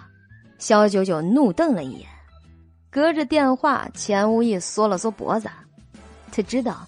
一般萧九九说这样的话，就是事情到了没有商量的余地。他只能吞了吞口水，把刚才发生的事儿据实说了。宛如肯定还没走，我现在去了，再碰到他，我真的不知道该怎么交代。这么久了，他应该早就放弃了，把他当成一个彻头彻尾的大坏蛋才是。可是他见到他的时候，眼神是那样的欢心，眼里没有任何的埋怨和仇恨。他越是这样，钱无义的良心就越是饱受折磨。肖九九抬头看了下欧若野那边，正在拍第三场镜头，等他拍完了，就轮到自己上场了。他灿若晨星的眼眸忽闪了几下，唇角微撇，冷声道。不管什么，唐宛如，你马上过来，我有重要的事情和你说，听到没有？听到了。钱无义哭丧着脸儿，对萧爷，那他是丝毫都不敢忤逆呀。那边唐宛如还在牌坊下发呆，眼圈红红的。这边钱无意已经掉了头，朝着他的方向走来。也罢，既然横竖躲不过，那就索性直面他吧。看到伤心欲绝的唐宛如，钱无意终是忍不住走到他身旁。呃，宛如，我刚刚有点内急，所以。钱无意找了个很尬的借口，本以为会被唐宛如拆穿，可是唐宛如见他回来，顿时破涕为笑，一头扑进了他的怀里。无义哥，我还以为你真的不想见我了。感受着怀里丫头那暖若温热的身体，钱无义顿时闭上了眼睛，双手不禁张开来，紧紧的抱住了她。那是多少个日夜积累的思念啊，像疯了一样。那一瞬间，钱无义知道自己完了，也知道唐宛如完了。假如你喜欢上一个不会有结果的人，你还会选择和他走下去，直到分开的那一天吗？钱无义琥珀色的双眸顿时变得忧伤起来，喉咙也是异常的干涩。口音沙哑的问出了这个难以启齿的问题。我会，你不用再问了，无意哥。不管过去发生了什么，我只想告诉你，我喜欢你，我每天都在想你，每天都在找你。唐宛如紧紧的搂着钱无义的腰，用力感受着他身上特殊的檀香味儿，那是曾经亲近的时光里最让他怀念的东西。现在，他又重新拥有了他，实在是美的太不真实。钱无义哽住了喉咙，眼圈也开始泛了红。就是这样情真意切的丫头，他屡屡选择了回避，甚至用法术让她失忆，却不知自己做的这一切才是对他最大的伤害。好，既然你和我都只管眼前，不管将来。那就一起跳进这个泥潭里面。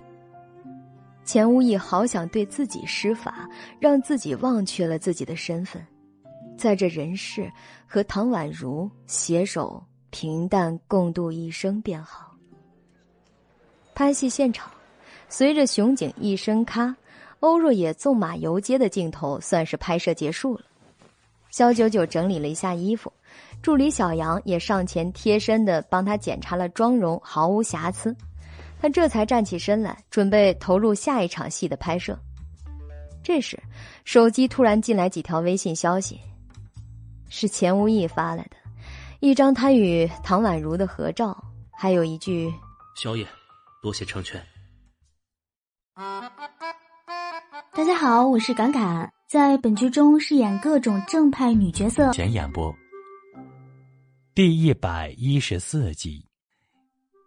嗯，这是公然秀恩爱、虐狗的架势啊！看着照片里钱无意和唐宛如幸福的样子，肖九九唇角微勾，脑海里不由得想起了县元。倘若有一天，自己也能这样和心上人依偎在一起，那该有多好啊！也许是受了钱无义这件事情的影响。肖九九决定加快与真正的县员重聚的过程。首先摆在眼前的第一件事，就是需要跟顾金飞离婚。姚县元那边，他的父母都是全力撮合他们在一起的状态，只是自己得早些把跟顾金飞的形式婚姻给解决了，好为自由婚姻让开一条光明大道来。只是顾金飞并非一般人，要离婚牵扯的方方面面实在太多。即便是隐婚，别的不说，就他家那位素未谋面的老爷子，还有自家的外公任洪川，那绝对是第一个不能答应。肖九九思虑再三，得让顾金飞自己答应离婚了才是。他拿起手机，纤纤玉指在屏幕上点开那个好久没有联系的头像。顾先生，有些事儿想和您当面谈谈，不知道什么时候有空啊？如果没时间的话，我去你公司找你啊。消息内容已经编辑好，刚要选择发送，手机屏幕却跳出一条日程提示：本月二十八号是顾金飞的生日。肖九九的手指顿时在空中滞了一下，他还真的差点把这件事儿给忘了。曾经在微信上尬聊的时候，他答应了顾金飞，这个月他生日当天会为他庆生。得，这似乎是上天早就安排好的机会了。顾金飞这个生日，估计要收到这辈子最大的惊喜了。于是他把编辑好的内容全部删除，另外发了一条给顾金飞过去。顾氏集团本部大厦，戴着面具的顾金飞正坐在会议室里，听着各高管的季度工作汇报。平常每到这个时候，高管们都是战战兢兢，生怕一个失策，哪句话没说好，或者汇报的内容让这位神秘的大老板不甚满意，自己的饭碗那就要保不住了。正当报告进行到一半的时候，顾金飞的手机却在兜里震动了几下，他拿了出来，本打算随意瞥一眼内容就放回去，可是看到“九九”两个字。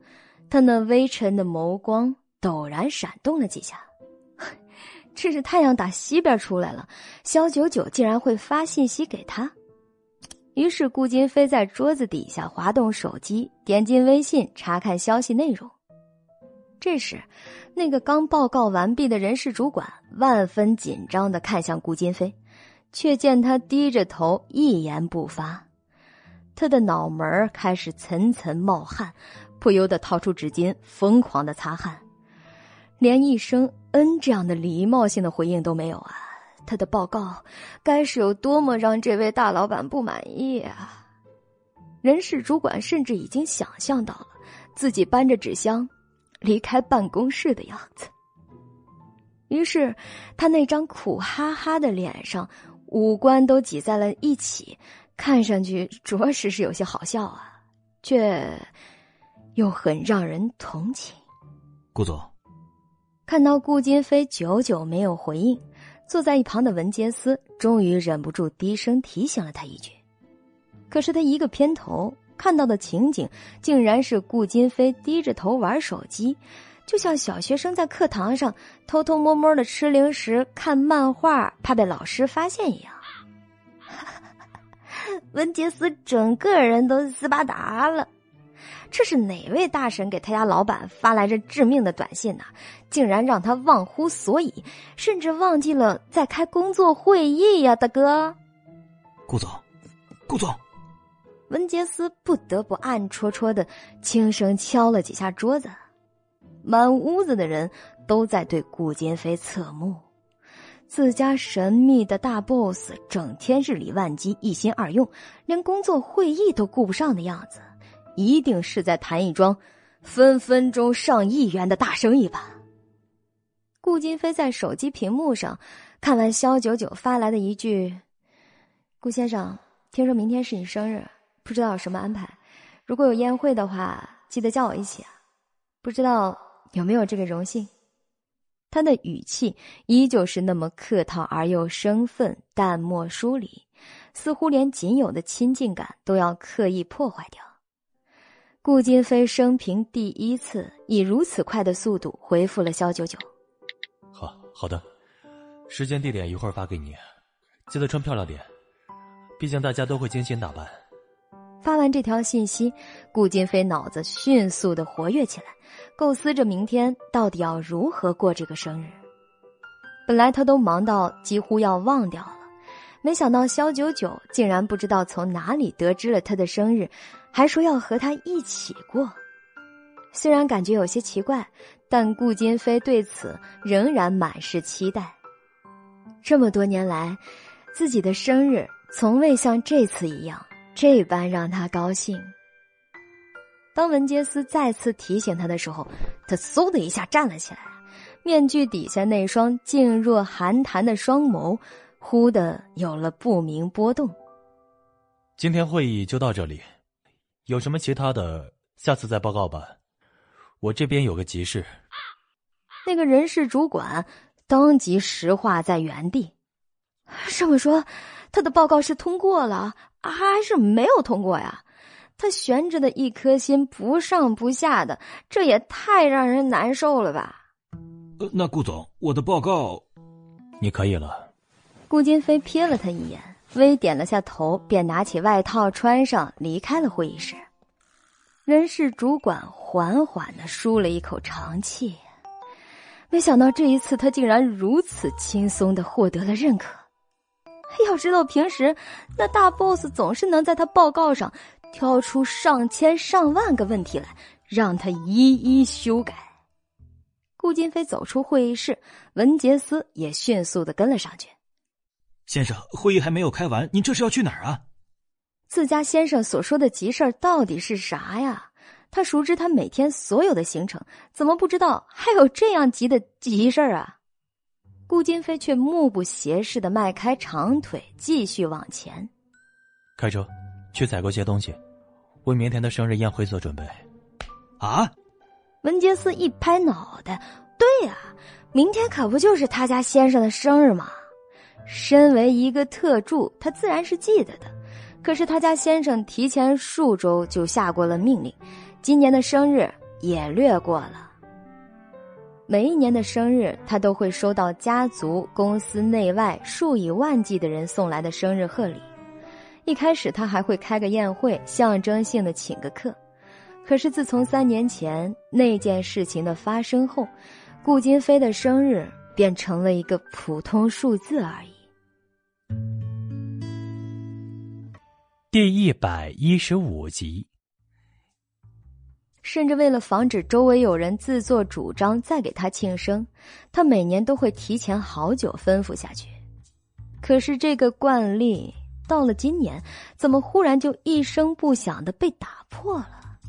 文杰斯百思不得其解。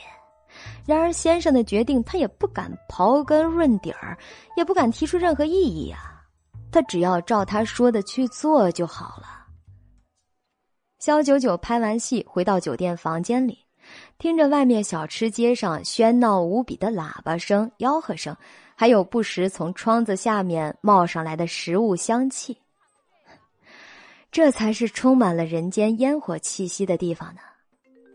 就在这时，钱无义适时的打了电话过来：“小爷，晚上一起吃饭呗，就我们三个，地点就在你那个酒店的后面，小吃街上。”看来他和唐宛如刚到一起，就迫不及待的要撒糖了。那就给他一个机会吧，让他体验一下秀恩爱的感觉好了。反正以后总有他俩虐的时候。肖九九刚要起身出门，门铃就被人按了数下。打开一看，竟然是欧若野站在门口。嗨，晚上吃什么？不如一起出去转转。我要去小吃街，那里可能不太适合你这样的咖位。要是被狗仔拍到了照片，那就更加不合适了。肖九九白了他一眼。所谓人红是非多。有欧若野在的地方，周围的视线那都刷刷的集中过来，这会让他很不自在。欧若野做梦都没有想到，自己竟然有一天因为太红而被嫌弃的一天，而且这个人还偏偏就是萧九九。他顿感失落，可是又跟块牛皮糖一样，坚持要跟他一起出门。呃，网上现在都知道我们在拍《不灭皇朝》。身为同剧组演员，在外面聚聚餐总是很正常的吧？小九九一想，正好钱无意跟唐宛如加在一起四个人，一起出行的话，比单独跟欧若野在一起的确要安全许多。行吧，不过你能像飙车那晚一样打扮的面目全非吗？肖九九揶揄的看着他笑道，一双桃花潋滟的眸子里盛满了灵气。这让这欧若野心里突跳了好几下，这好不容易才停了下来。哎呀呀，真的是要了命了！这女人怎么见谁撩谁呀？不管男女，一律通吃吗？呃，我可以戴口罩、墨镜、帽子全套。至于被不被发现，那就要靠运气了。他解释道，又怔怔的说了句：“你以后能不能别那样？我哪样啊？肖九九也不跟他多啰嗦，直接就朝着前面走去。欧若野自然屁颠屁颠的跟在后面。就是，嗯，那样。欧若也想到他那晚跟唐宛如在房间商量着洗澡和睡觉的画面，满脑子都是香艳和春光旖旎。嗯，差点没绷住，流下鼻血来。一想到这么好的女孩子竟然会是，他就深感可惜。话说回来，既然如此，那你就应该好好的对你的对象负责呀，不要到处胡撩乱撩，随便释放你的魅力啊！喂，可是这些话他都到嘴边了，又说不出口了，他怕肖九九误会。肖九九用看傻子一样嫌弃的目光瞥了他一眼，转身就朝着不远处韩义珍的房间走去。啊，你要做什么？看到肖九九已经抬起手就要按响韩一珍房间门的门铃，欧若野就像活见鬼一样，眼睛瞪得老大。你不说剧组出去聚餐很正常吗？那就叫上韩小姐一起啊，我比较有安全感。肖九九一席话让欧若野愣住了，还没反应过来他是怎么个意思，他却笑得有几分邪气，纤长的手指在门铃上按了数下。结果里面瞬间就把门打开了，韩义珍站在门口，不可思议的看着他们两人。Hello，吃饭了没？如果没有的话，跟我们一起去吗？不知道韩小姐会不会嫌弃小吃街那样的地方啊？肖九九轻描淡写又随性自然的样子，让韩义珍有几分摸不着头脑。不知道他是个什么路数啊？是不是准备公报私仇，伺机设计自己啊？可是有欧若也在，他不去的话，心里始终有块疙瘩，他不甘心呐。不会，怎么会嫌弃呢？既然你们都去，那我也去。这是向来骄傲的花孔雀韩义珍第一次如此积极的投入到集体生活当中去。肖九九满意的勾唇，眼里却是闪过一抹狡黠。哼哼。有了韩义珍在，不管再多狗仔，也不会随意把他和欧若野想歪了吧？毕竟他和韩义珍是剧本里面的男女主，炒个 CP、因戏生情什么的，那才是理所当然的。韩义珍那可是他的活挡箭牌一枚啊！韩义珍回到房间，像欧若野一样，帽子、眼镜、口罩齐上阵，把自己捂了个严严实实。三人以怪异的队形走在路上，韩以真想站在欧若野的旁边，可是欧若野却是有意无意的避开他，走到肖九九的另外一侧，最后变成了以肖九九为中心，他和韩以真不停的变换位置，这一出女追男跑，看得肖九九叹为观止啊。不多时就来到了小吃街的位置。韩义珍还从来没有来过这种满是市井烟火气的地方，看着琳琅满目的小吃摊儿和形形色色的吃货人群，他不禁瞪大了眼睛。嘿，肖九九很喜欢他这副没见过世面的样子。啊这时，不远处的钱无义和唐宛如也见到了他们，并且朝肖九九招了招手：“我的两个朋友今儿刚在一起，和我们一起组团吃个饭，不介意吧？”不介意，人多挺热闹的。韩以真还是第一次如此大方，甚至都没有过问对方的身份。他脑子里想到的都是跟欧若野双宿双飞的画面。一行五人找了个比较大、生意很火爆的小吃摊，各种各样的鲍鱼、海参、大龙虾、海鲜烧烤，还有五花八门的烤肉、素菜，加上各式的调料以后。那一股扑鼻的咸香麻辣气息，一瞬间就把人肚子里的馋虫给勾了出来。唐宛如和钱无义紧紧的坐在一起，毫不避讳的互相搂着胳膊，亲昵甜腻的样子让肖九九看了都不忍直视。那老钱这家伙真的是孤单了上千年了，不谈恋爱则已啊，一谈起来那就是令人发指，这简直丧心病狂啊！而万分不情愿的坐在他左边的韩义珍，隔着他默默的看向右侧的欧若野，觉得他跟欧若野离得很近，却像隔着银河。要是能把萧九九去掉就好了，这他和欧若野组成一对儿，刚好和对面是两对 CP。这么想来，他越发的看萧九九不舒服。这么大个电灯泡，偏偏没有自知之明的挡在了他和欧若野的中。郑敢敢等领衔演播，喜马拉雅独家出品。第一百一十六集。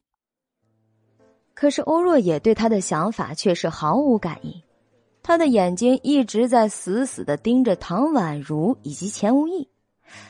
这女孩难道不是萧九九的女票吗？怎么她又跟一个男人粘在一起了，还当着萧九九的面最让欧若野百思不得其解的是，萧九九怎么那么淡定啊？好像什么事儿都没发生一样。难道他的生活？一直都这么混乱的吗？不，不会的。欧若野完全陷入到了自己臆想出来的奇怪小宇宙里。这时，韩以真实在是受不了牛郎织女被银河阻隔的相思之苦了，暗戳戳的小声对萧九九道：“那个，九九，我最近身体不舒服，这里风大，我能不能跟你换个位置啊？”萧九九对他的心思怎会不了解？不过让韩艺珍跟欧若野坐在一起，他也是乐见其成的。如果碰到狗仔或者粉丝什么的，那就百分百的转移了注意力了。反正跟欧若野坐在一起的人又不是他。萧九九大方的起身，好说，你过来坐吧。韩艺珍不敢相信他竟然有这么好说话，那可是欧若野旁边的位置啊！他说让给自己，就让给自己了。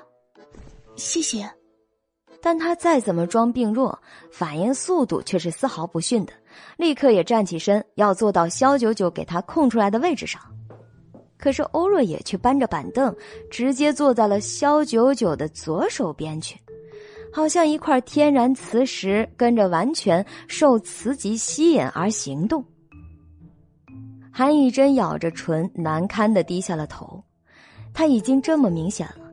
为何欧若野就不能给他三分薄面呢？他真的有那么讨厌，令他跟自己坐在一起都不愿意吗？若野，你为什么？可是他才刚刚鼓起勇气质问欧若野，却被一阵更大的声音给盖住了。各位，你们点的烧烤还有啤酒来了，呃，请慢用。服务生把整整十几盘的各式烧烤还有八瓶啤酒给放到了桌上。不大的桌子被瞬间堆满。不要客气，尽管吃啊，不够再点。今天是我和宛如确定关系的重要日子，这些算我请客。钱无义非常豪爽又充满烟火气的说道。萧九九眉头微抬，眼里的讶异一闪而过。和唐宛如在一起，真的能令他如此快乐？竟然能像换了个人一样，上道的主动请客、招呼吃饭。其中还包括两个陌生人，萧九九暗想，这时候哪怕是对钱无义说要削去他的神级，估计他也毫不介意吧。老钱呐，老钱呐，你可算是彻底陷进去了。欧若也实在是没忍住，便问道：“呃，恕我冒昧问句啊，你们两位现在是什么关系啊？”男女朋友啊，这都看不出来吗？钱无意像看怪物一样看着他，凡人都有这么蠢的吗？他都已经把唐宛如搂在怀里整整半个小时了呀！不过他却丝毫没有怪他，脸上依旧带着清俊的笑容。唐宛如则全程不说话，眼睛只看着钱无义，也只愿听他说话，仿佛这全世界其他人都是不存在的。又仿佛这种幸福就像手里的沙子，下一秒就要逝去，所以他才会格外的珍惜。啊，看出来了。欧若也抿了抿唇，清清嗓子，挤出一个官方正式的微笑来。嗯嗯，恭喜二位。恭喜。韩义珍也勉强跟着说了一句，其实心里很是不耐烦的。谁要跟这几个素人一起吃饭了？何况还是烧烤这种垃圾食品。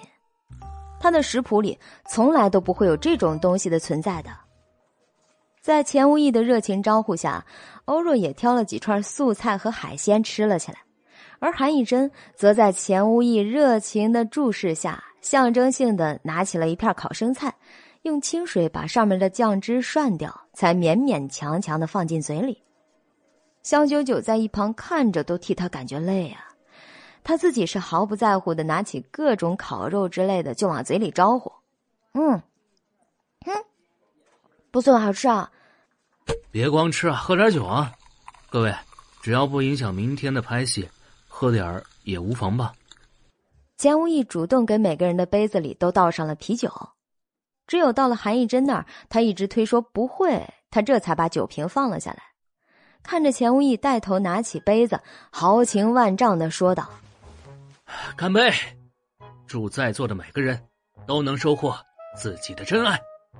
小九九笑意笃深，毫不犹豫的拿起杯子跟他碰了一下。那就进监。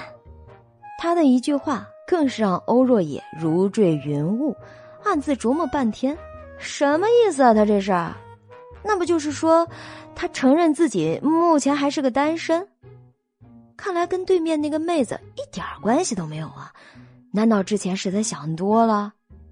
欧若野顿时感到天雷滚滚，自己最近这想象力怎么是越来越丰富了呀？竟然会因为一点小事就把肖九九啊联想成了一个女女童。不过知道他单身以后，欧若野的心态产生了某些微妙的，连他自己都难以察觉的变化。欣喜倒是谈不上，但是高兴确实有那么一点儿。这么一高兴，欧若也顿时心情不错，也举杯跟他们碰了一下，随后小酌了几口。看到欧若也跟他们玩的就像老朋友一样，毫不生分，韩义珍顿时觉得自己是现场唯一一个被排斥在外的陌生人。他很想马上离开，他才不屑跟这些土包子在一起吃饭喝酒呢。可是他又舍不得欧若野，舍不得这样的机会可以近距离的感受那个跟平常不太一样的欧若野。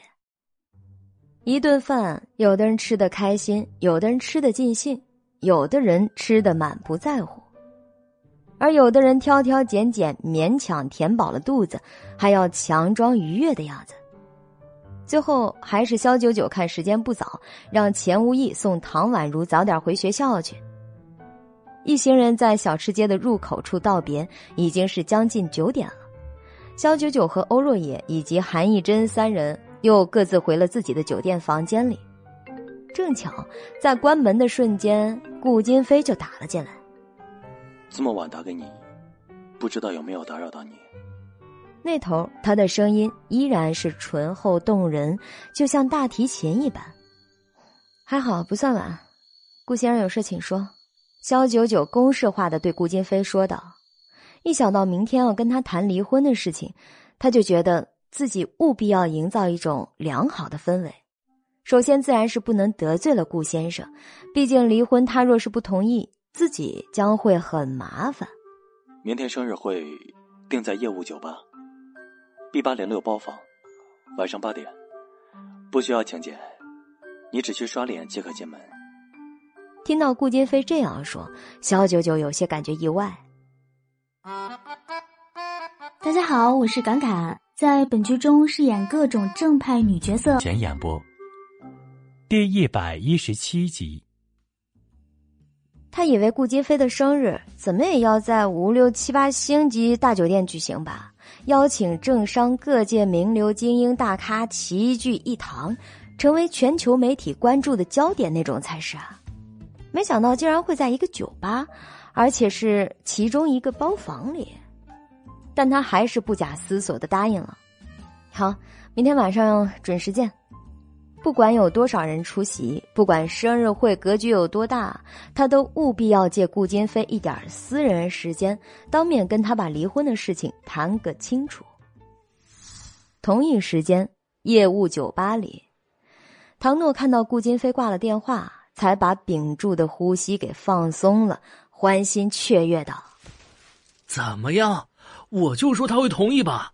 肖九九可是很野的，你真邀请他去什么大酒店吃饭看江景，他还未必愿意。”说着，唐诺得意非凡的摇头晃脑起来。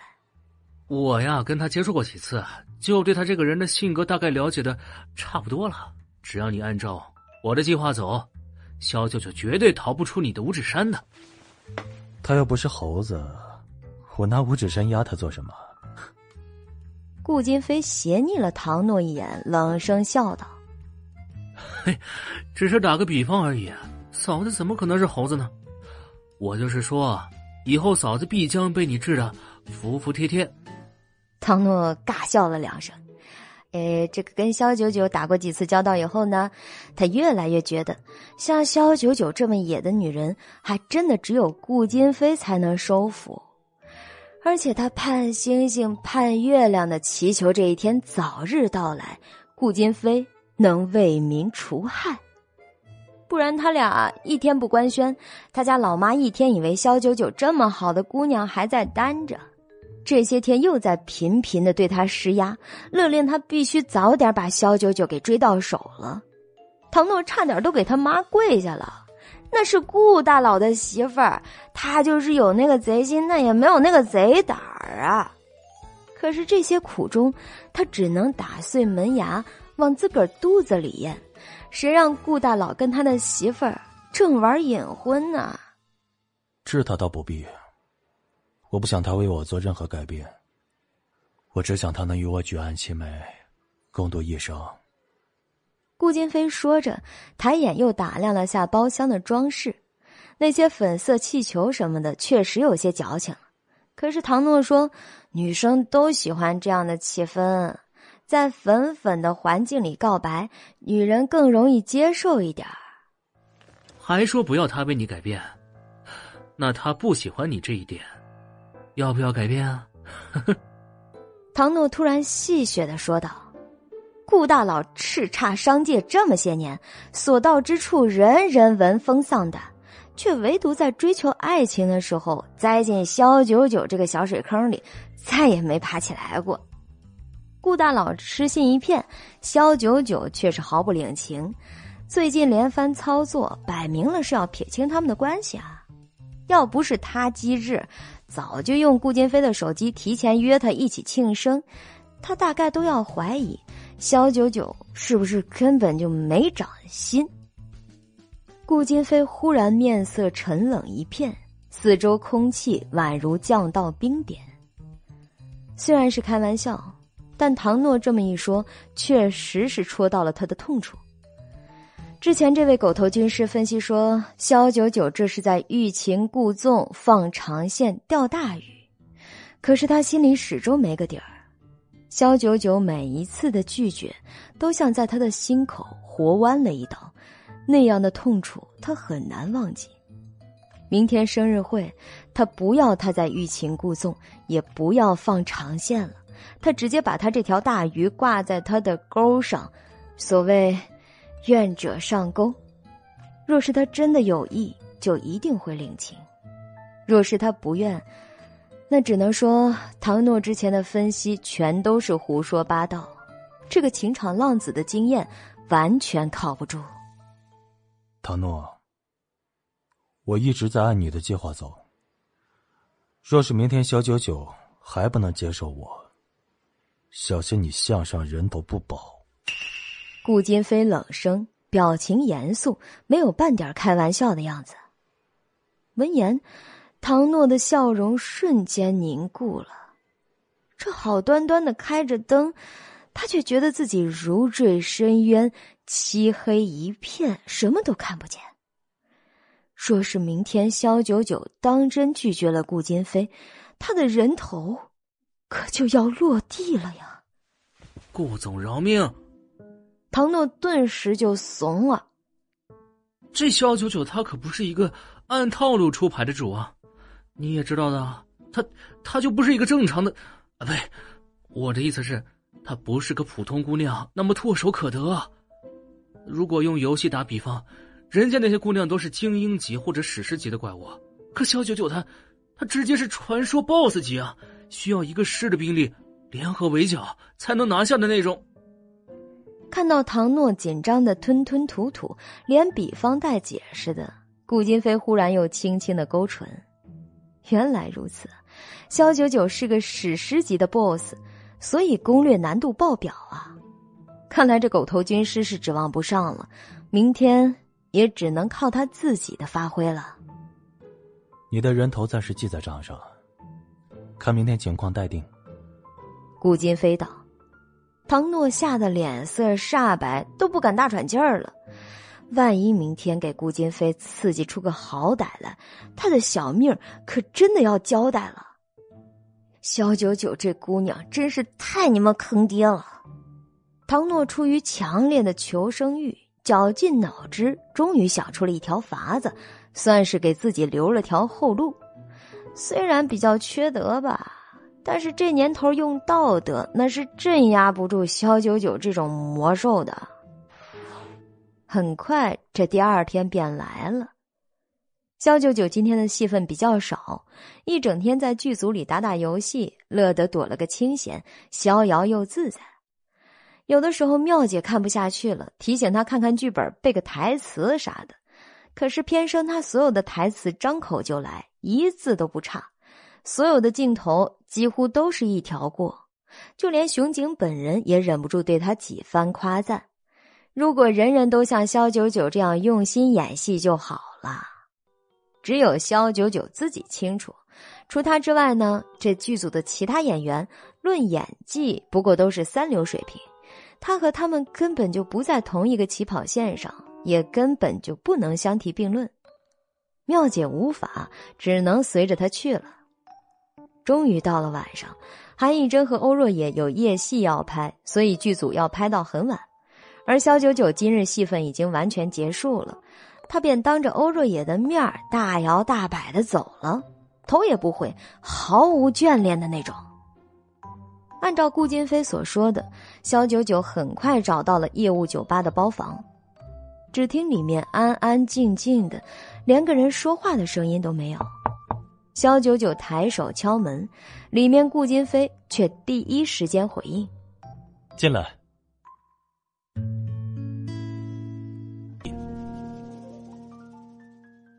第一百一十八集。他推门一看，只见偌大的包间里面被彩灯、气球和鲜花装饰的非常喜庆。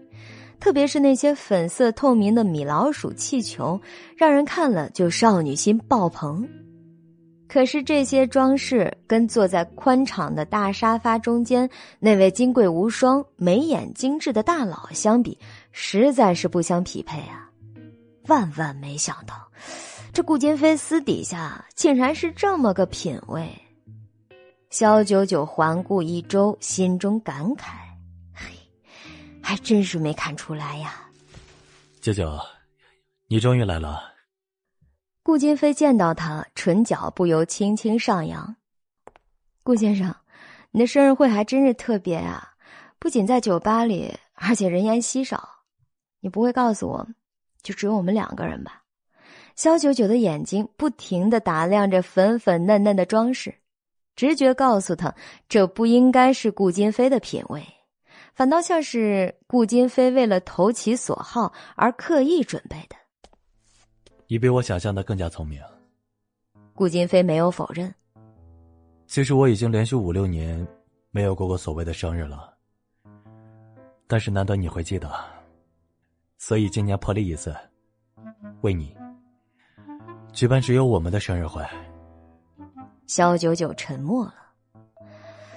我们之间不过就是一纸协议的闲事婚姻，顾先生可千万别拿它同事实给搞混了呀！本来这话都到嘴边了，一时竟莫名的说不出口。看着他那双黑曜石般的眸子，从未像今天这样明亮。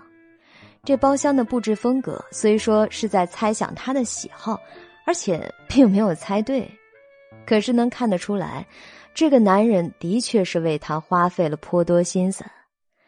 今天是他的生日，他特地抽时间花精力，只想和他共同度过。可是他的到来却注定是为了给他一个沉重的打击。就算是再铁石的心肠，也多少是有些不忍的。肖九九遂决定，今天这场生日会，他会好好的陪他过，直到零点的钟声敲响，他在撕破这欢乐祥和的假象。告诉他那个不忍开口的事实。谢谢你啊，顾先生，你能为我如此费心。不过今天是你的生日，我们就玩的尽兴一点，把过往的事情暂且抛到脑后，可好？这一次就当是对他的补偿吧。要一个人斩断好不容易培养起来的感情，那无疑是最残忍的。顾金飞其实从未做错过什么。如果有错，那也只是不该喜欢上他而已。听到他说会尽情陪自己过生日，顾金飞眸色更亮了一些，嘴角弧度愈加上扬不止。舅舅，既然是来陪我过生日，那能不能送我个礼物？我想要很久了，从小到大，从来没有人可以给我，只有你。他的眸光灼灼的看向萧九九，里面带着赤裸裸的渴望。他朝着萧九九伸出了双手。这次萧九九没有躲，他便如愿以偿的第一次真正的拥抱了他。他的身体温度很暖，心却是滚烫的一颗。他那么用力的抱着他，恨不得能把他嵌入自己的身体里。他从未如此迫切的渴望得到一个女人。舅舅，你就是上天赐给我的最好的礼物。这辈子，你只能属于我。听到他像呓语一样在自己耳边不停的呢喃，肖九九刚才轻蹙的眉头也忽的松开了。他的声音似乎有一种力量。能让他的心情变得平和，哪怕是一场幻梦，让他梦一场也好过现在就揭示那个血淋淋的现实。他只字不说，只是任由他抱着。他的身体是如此的柔软，和他坚硬的胸膛形成了鲜明的对比。原来抱着他的感觉是如此美好。顾金飞变得贪婪，很想每一天都这样抱着。再也不让他脱离自己的身边。谢谢你，舅舅。直到感觉他的气息因为自己太过用力的拥抱而变得有些喘了，顾金飞这才极度不情愿的放开了他。他的手指轻轻挑起了一抹他的发梢，他身上那股独特的栀子花馨香便停留在他的手指上。他挑眉。继而闭上双眼，低头深情的吻住了他手上的那一缕发丝。萧九九的胸口忽的一滞，他低头亲吻的角度，样子看起来像极了曾经的县元上神。一时间，他有点失神，以为自己在恍惚之间看错了。原来，在自己试着不排斥的情况下，顾金飞是如此温柔的一个人。全然不是他在外界所传的那个样子。今天是你生日，你只要开心就好。”萧九九轻声道，眉色间都是鲜有的温柔。因为之后，你将体会到一种无法言语的痛苦。来，我们先喝点酒吧。顾金飞拉着他的手坐到沙发边。也许是心中有丝亏欠感，萧九九始终没有做出任何的抵触动作。当然，对他喝酒的提议也没有表示反对。看着顾金飞把褐色的液体倒进玻璃酒杯里，又递了一杯给自己，萧九九却是没有马上接过来，而是凝视了那酒几秒。他的眼力一下看到酒里掺杂了某种物体。似乎是被研磨成的小颗粒，正漂浮在其中，但不仔细看是根本就看不出来的。顾金飞看他不喝，忽的揶揄道：“你不会是怕我在酒里下药吧？说着，他顾自一仰脖子，把自己那杯先一饮而尽了。如果有药的话，我也会跟你同归于尽的。放心好了，作为故事的继承人，我还不能这么早撒手人寰。肖九九沉默了数秒，忽然自嘲的笑了一下。他有什么好怕的呢？如果顾金飞已经失去理智到那种地步，他必须为自己的行为承担相应的后果。他端起酒杯，也一饮而尽。随后，两个人你一口我一口的，把一整瓶洋酒都喝了个精光。舅舅，你的酒量比我想的要好得多。这酒，我喝了怎么有点发晕了？顾金飞突然感觉口干舌燥的，好像周围温度都在飙升，热得他只想脱衣服，或者赶紧抱上一个冰冷的东西。不对，这就有问题。顾金飞终于意识到了自己的头重脚轻，实在是不符合常理。这款养者。于暖暖，由加菲不会飞领衔演播，后期制作陶幺幺。第一百一十九集，他脑海里一闪而过的是一张再熟悉不过的脸，唐诺，以及昨天在包房里和他告别前，他最后说的那句意味深长的话：“顾二少，您放心。”我必将竭尽所能，让你成功拿下嫂子，实至名归。这个唐诺给自己下的恐怕不是普通的药，他满脑子里想的到底是什么东西？该死的！舅舅，没事，等我打个电话就好了。顾金飞这会儿已经热的恨不能把自己衣服撕开才好。可是他却凭借着超凡的毅力，拿出手机，咬牙拨通了一个号码，叫医生过来。等他挂断电话，肖九九却淡定如斯。没关系的，有些人大概是怕我们生日会过得太过无聊了，所以想给我们增加个助兴节目罢了。这个助兴节目的名字就叫“生米煮成熟饭”。虽然具体不知道是谁动的手脚，但肖九九从顾金飞的反应大致已经可以确定，绝对不是顾金飞自己的主意。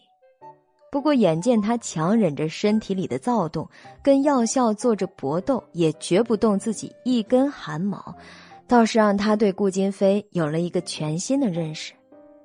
即便再怎么渴望得到他，也绝不强迫他或者做不义之举。没想到，这残忍无情的顾金飞对他是如此的有情有义。若不是真心喜欢一个人，又怎么能做到这种地步？萧九九的心不免有了一丝触动，而顾金飞却咬着牙，眉目沉沉的看着他。为什么你好像一点事都没有？大概是这个药对每个人起效速度不一样，或者我的身体比较特殊。肖九九轻描淡写的一带而过，其实早在他看出酒里有不对劲儿的东西的那一刻，他就偷偷的把藏在指甲里的万能解药撒了些到酒里，通过不停的摇晃，解药完美的融入酒杯，把原先那个药力给彻底的抵消了。这也是数百年来他以各种身份在社会上行走时养成的习惯。无论何时，吃饭还是喝酒，他都会仔细观察对方给的东西。也正是因为这样，指甲里才会一直带着些药粉，以备不时之需。不过他也没想到，这次给顾金飞庆生，竟这么快就用上了。既然你没事，那就好。你稍等我一会儿，马上医生来了，给我注射一针。我就没事了，你可千万别走啊！顾金飞怕自己的样子吓跑了肖九九，强忍着不适对他说道：“直到得到他的亲口承诺：“我不会走的，我会一直等你。”他才安心的冲向了包厢的洗手间里，打开水龙头，疯狂的冲洗脸部，又把外套脱下来冲了冲胳膊，后来索性跳进了浴缸里，把水放到最大，自己整个人都泡了进去。凉水的确有效的抑制了一会儿他身上的躁动，可是他身上仿佛火烧一样，周围的凉水不多时都快被弄成热水了。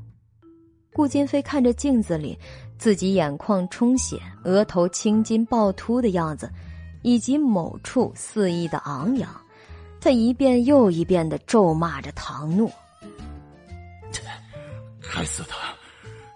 等明天，我一定叫你提头来见。”肖九九在门外轻轻的敲门：“顾先生，你还好吗？要是有什么不舒服的，我可以帮你啊。”帮我，顾金飞对着镜子苦笑一下，他这副狼狈的样子，要是被他瞧见了，怎么得了？现在这个门若是打开，肖九九走进来，他真的害怕自己会一下子化身失去人性的野兽，把他按倒了，肆意发泄。好，没事，我没关系，很快医生就来了。你现在帮不上什么忙。呃，不如出去。可是他话还没说完，门却从外打开了。肖九九走进来，一脸吃惊的看着他。顾先生，你怎么样啊？我扶你起来吧。来，赶快。不，你赶快出去，别靠近我。顾金飞的眼中，肖九九忽然变得五光十色，宛若琉璃。人也时而出现重影，叫人看得模模糊糊的。就在此时，肖九九竟忽然把外套除去，面色魅惑的对着他盈盈一笑：“顾少，你想要的不就是这个吗？我给你就是了。”看到他不动声色的继续解开衣服，顾金飞着实被吓得够呛。九九。你的药力是不是已经发作了？你冷静一点，我不想做让你后悔的事。你赶快出去，一会儿医生来了，我们就没事了。可是肖九九却是置若罔闻，轻抚了一下他的脸庞。顾少，既然你想，我也想，为何还要这样控制自己呢？人本来就是欲望的动物，服从我们的本能那是我们的天性啊。更何况，我们是夫妻，不管做什么都是很正常的，我又怎么会怪你呢？他纤长的手指抚过脸庞的感觉实在是太过美好，让顾金飞感觉冰凉酥麻，身体本能的想要更多，想和他更加亲密。不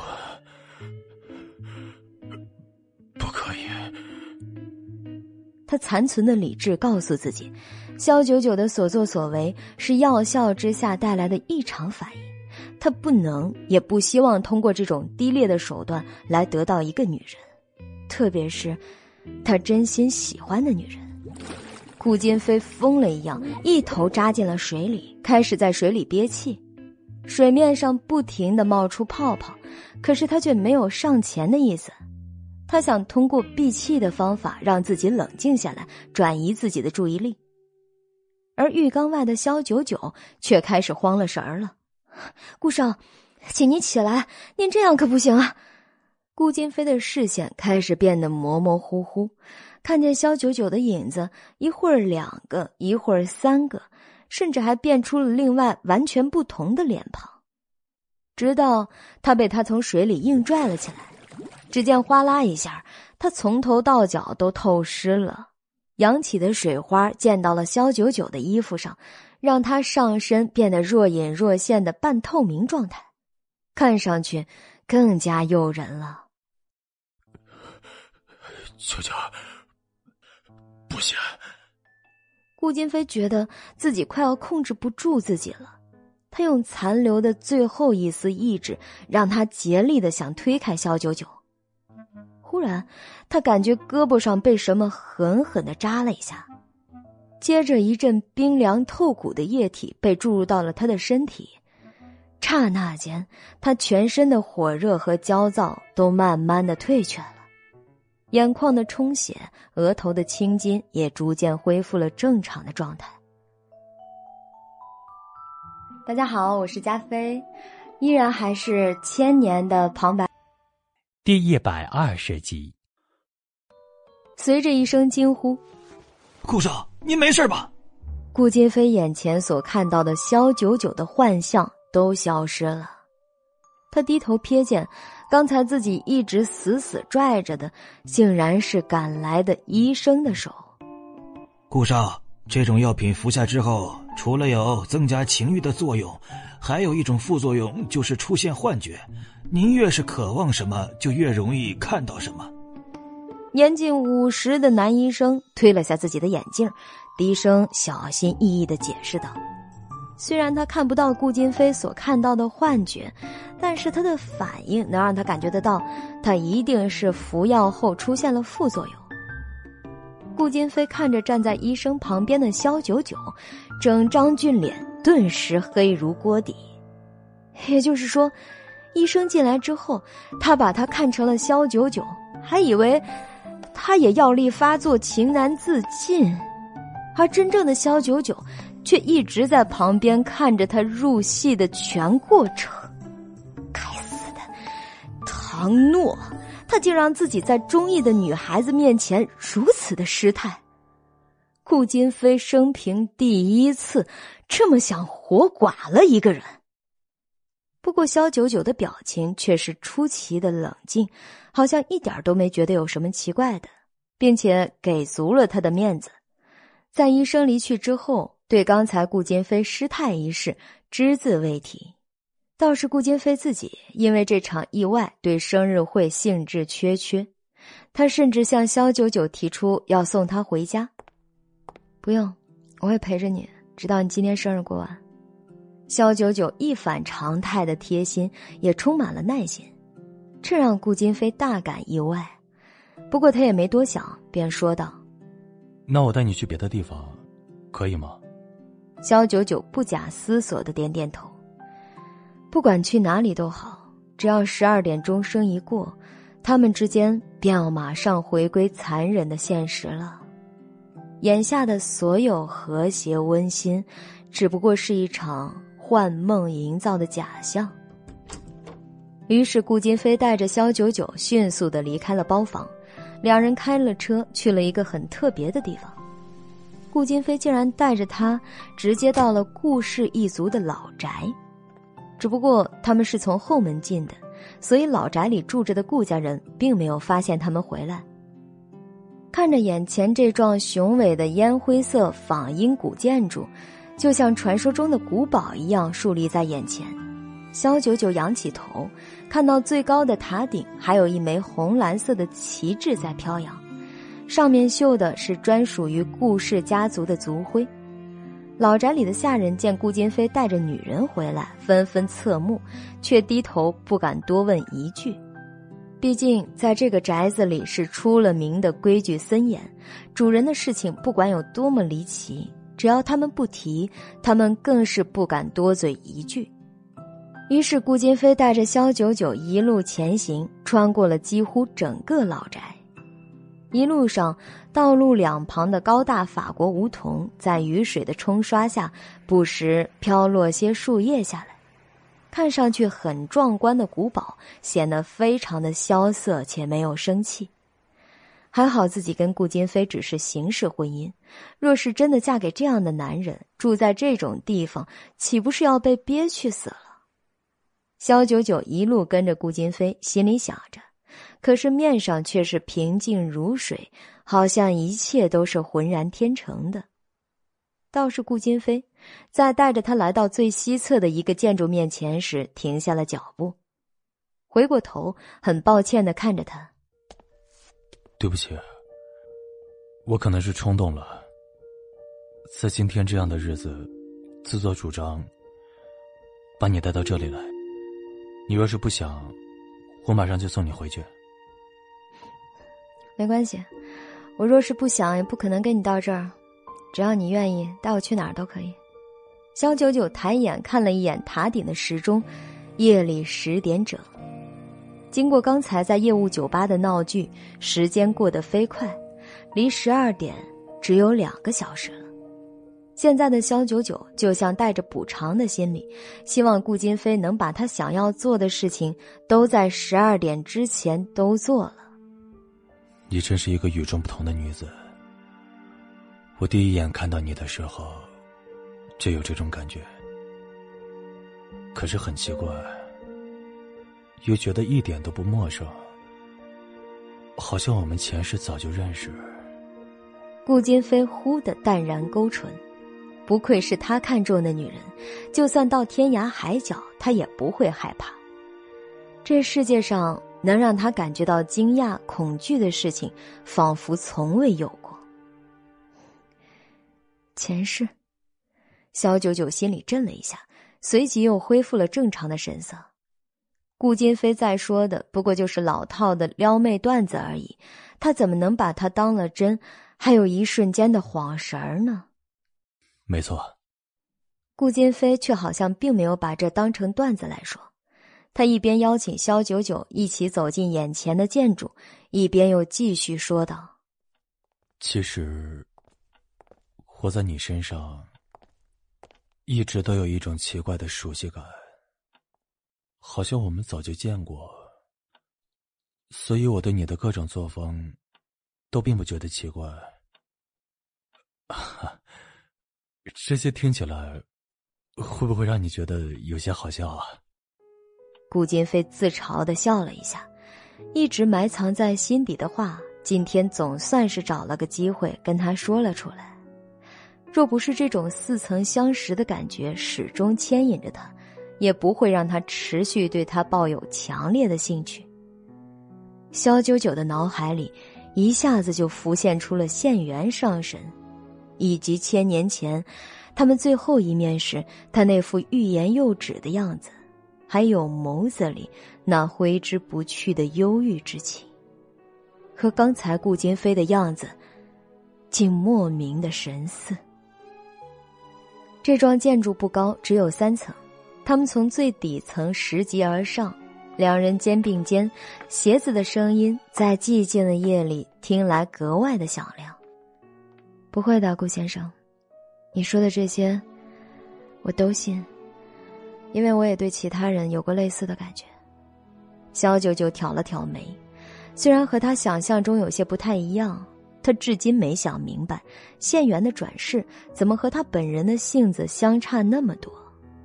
不过他相信，假以时日，等他跟真正的他重聚，这些谜团都能被揭开吧。顾金飞动作一顿，面上浮上了一抹冷然。肖九九只是在客套随意的敷衍应和他，可是他并不是这种人呐。但若他说的是真的，那他的心里就一定存着一个惦念了好久的人，可那个人，并不是他。舅舅，你就在顾金飞站在台阶上想要问肖九九什么的时候，楼上忽然有个人影探出了头来。金飞，你来了，还带着客人。肖九九与顾金飞一起抬起头，看到一个穿着白色护士服一样的女人，正用好奇的眼神打量着他们。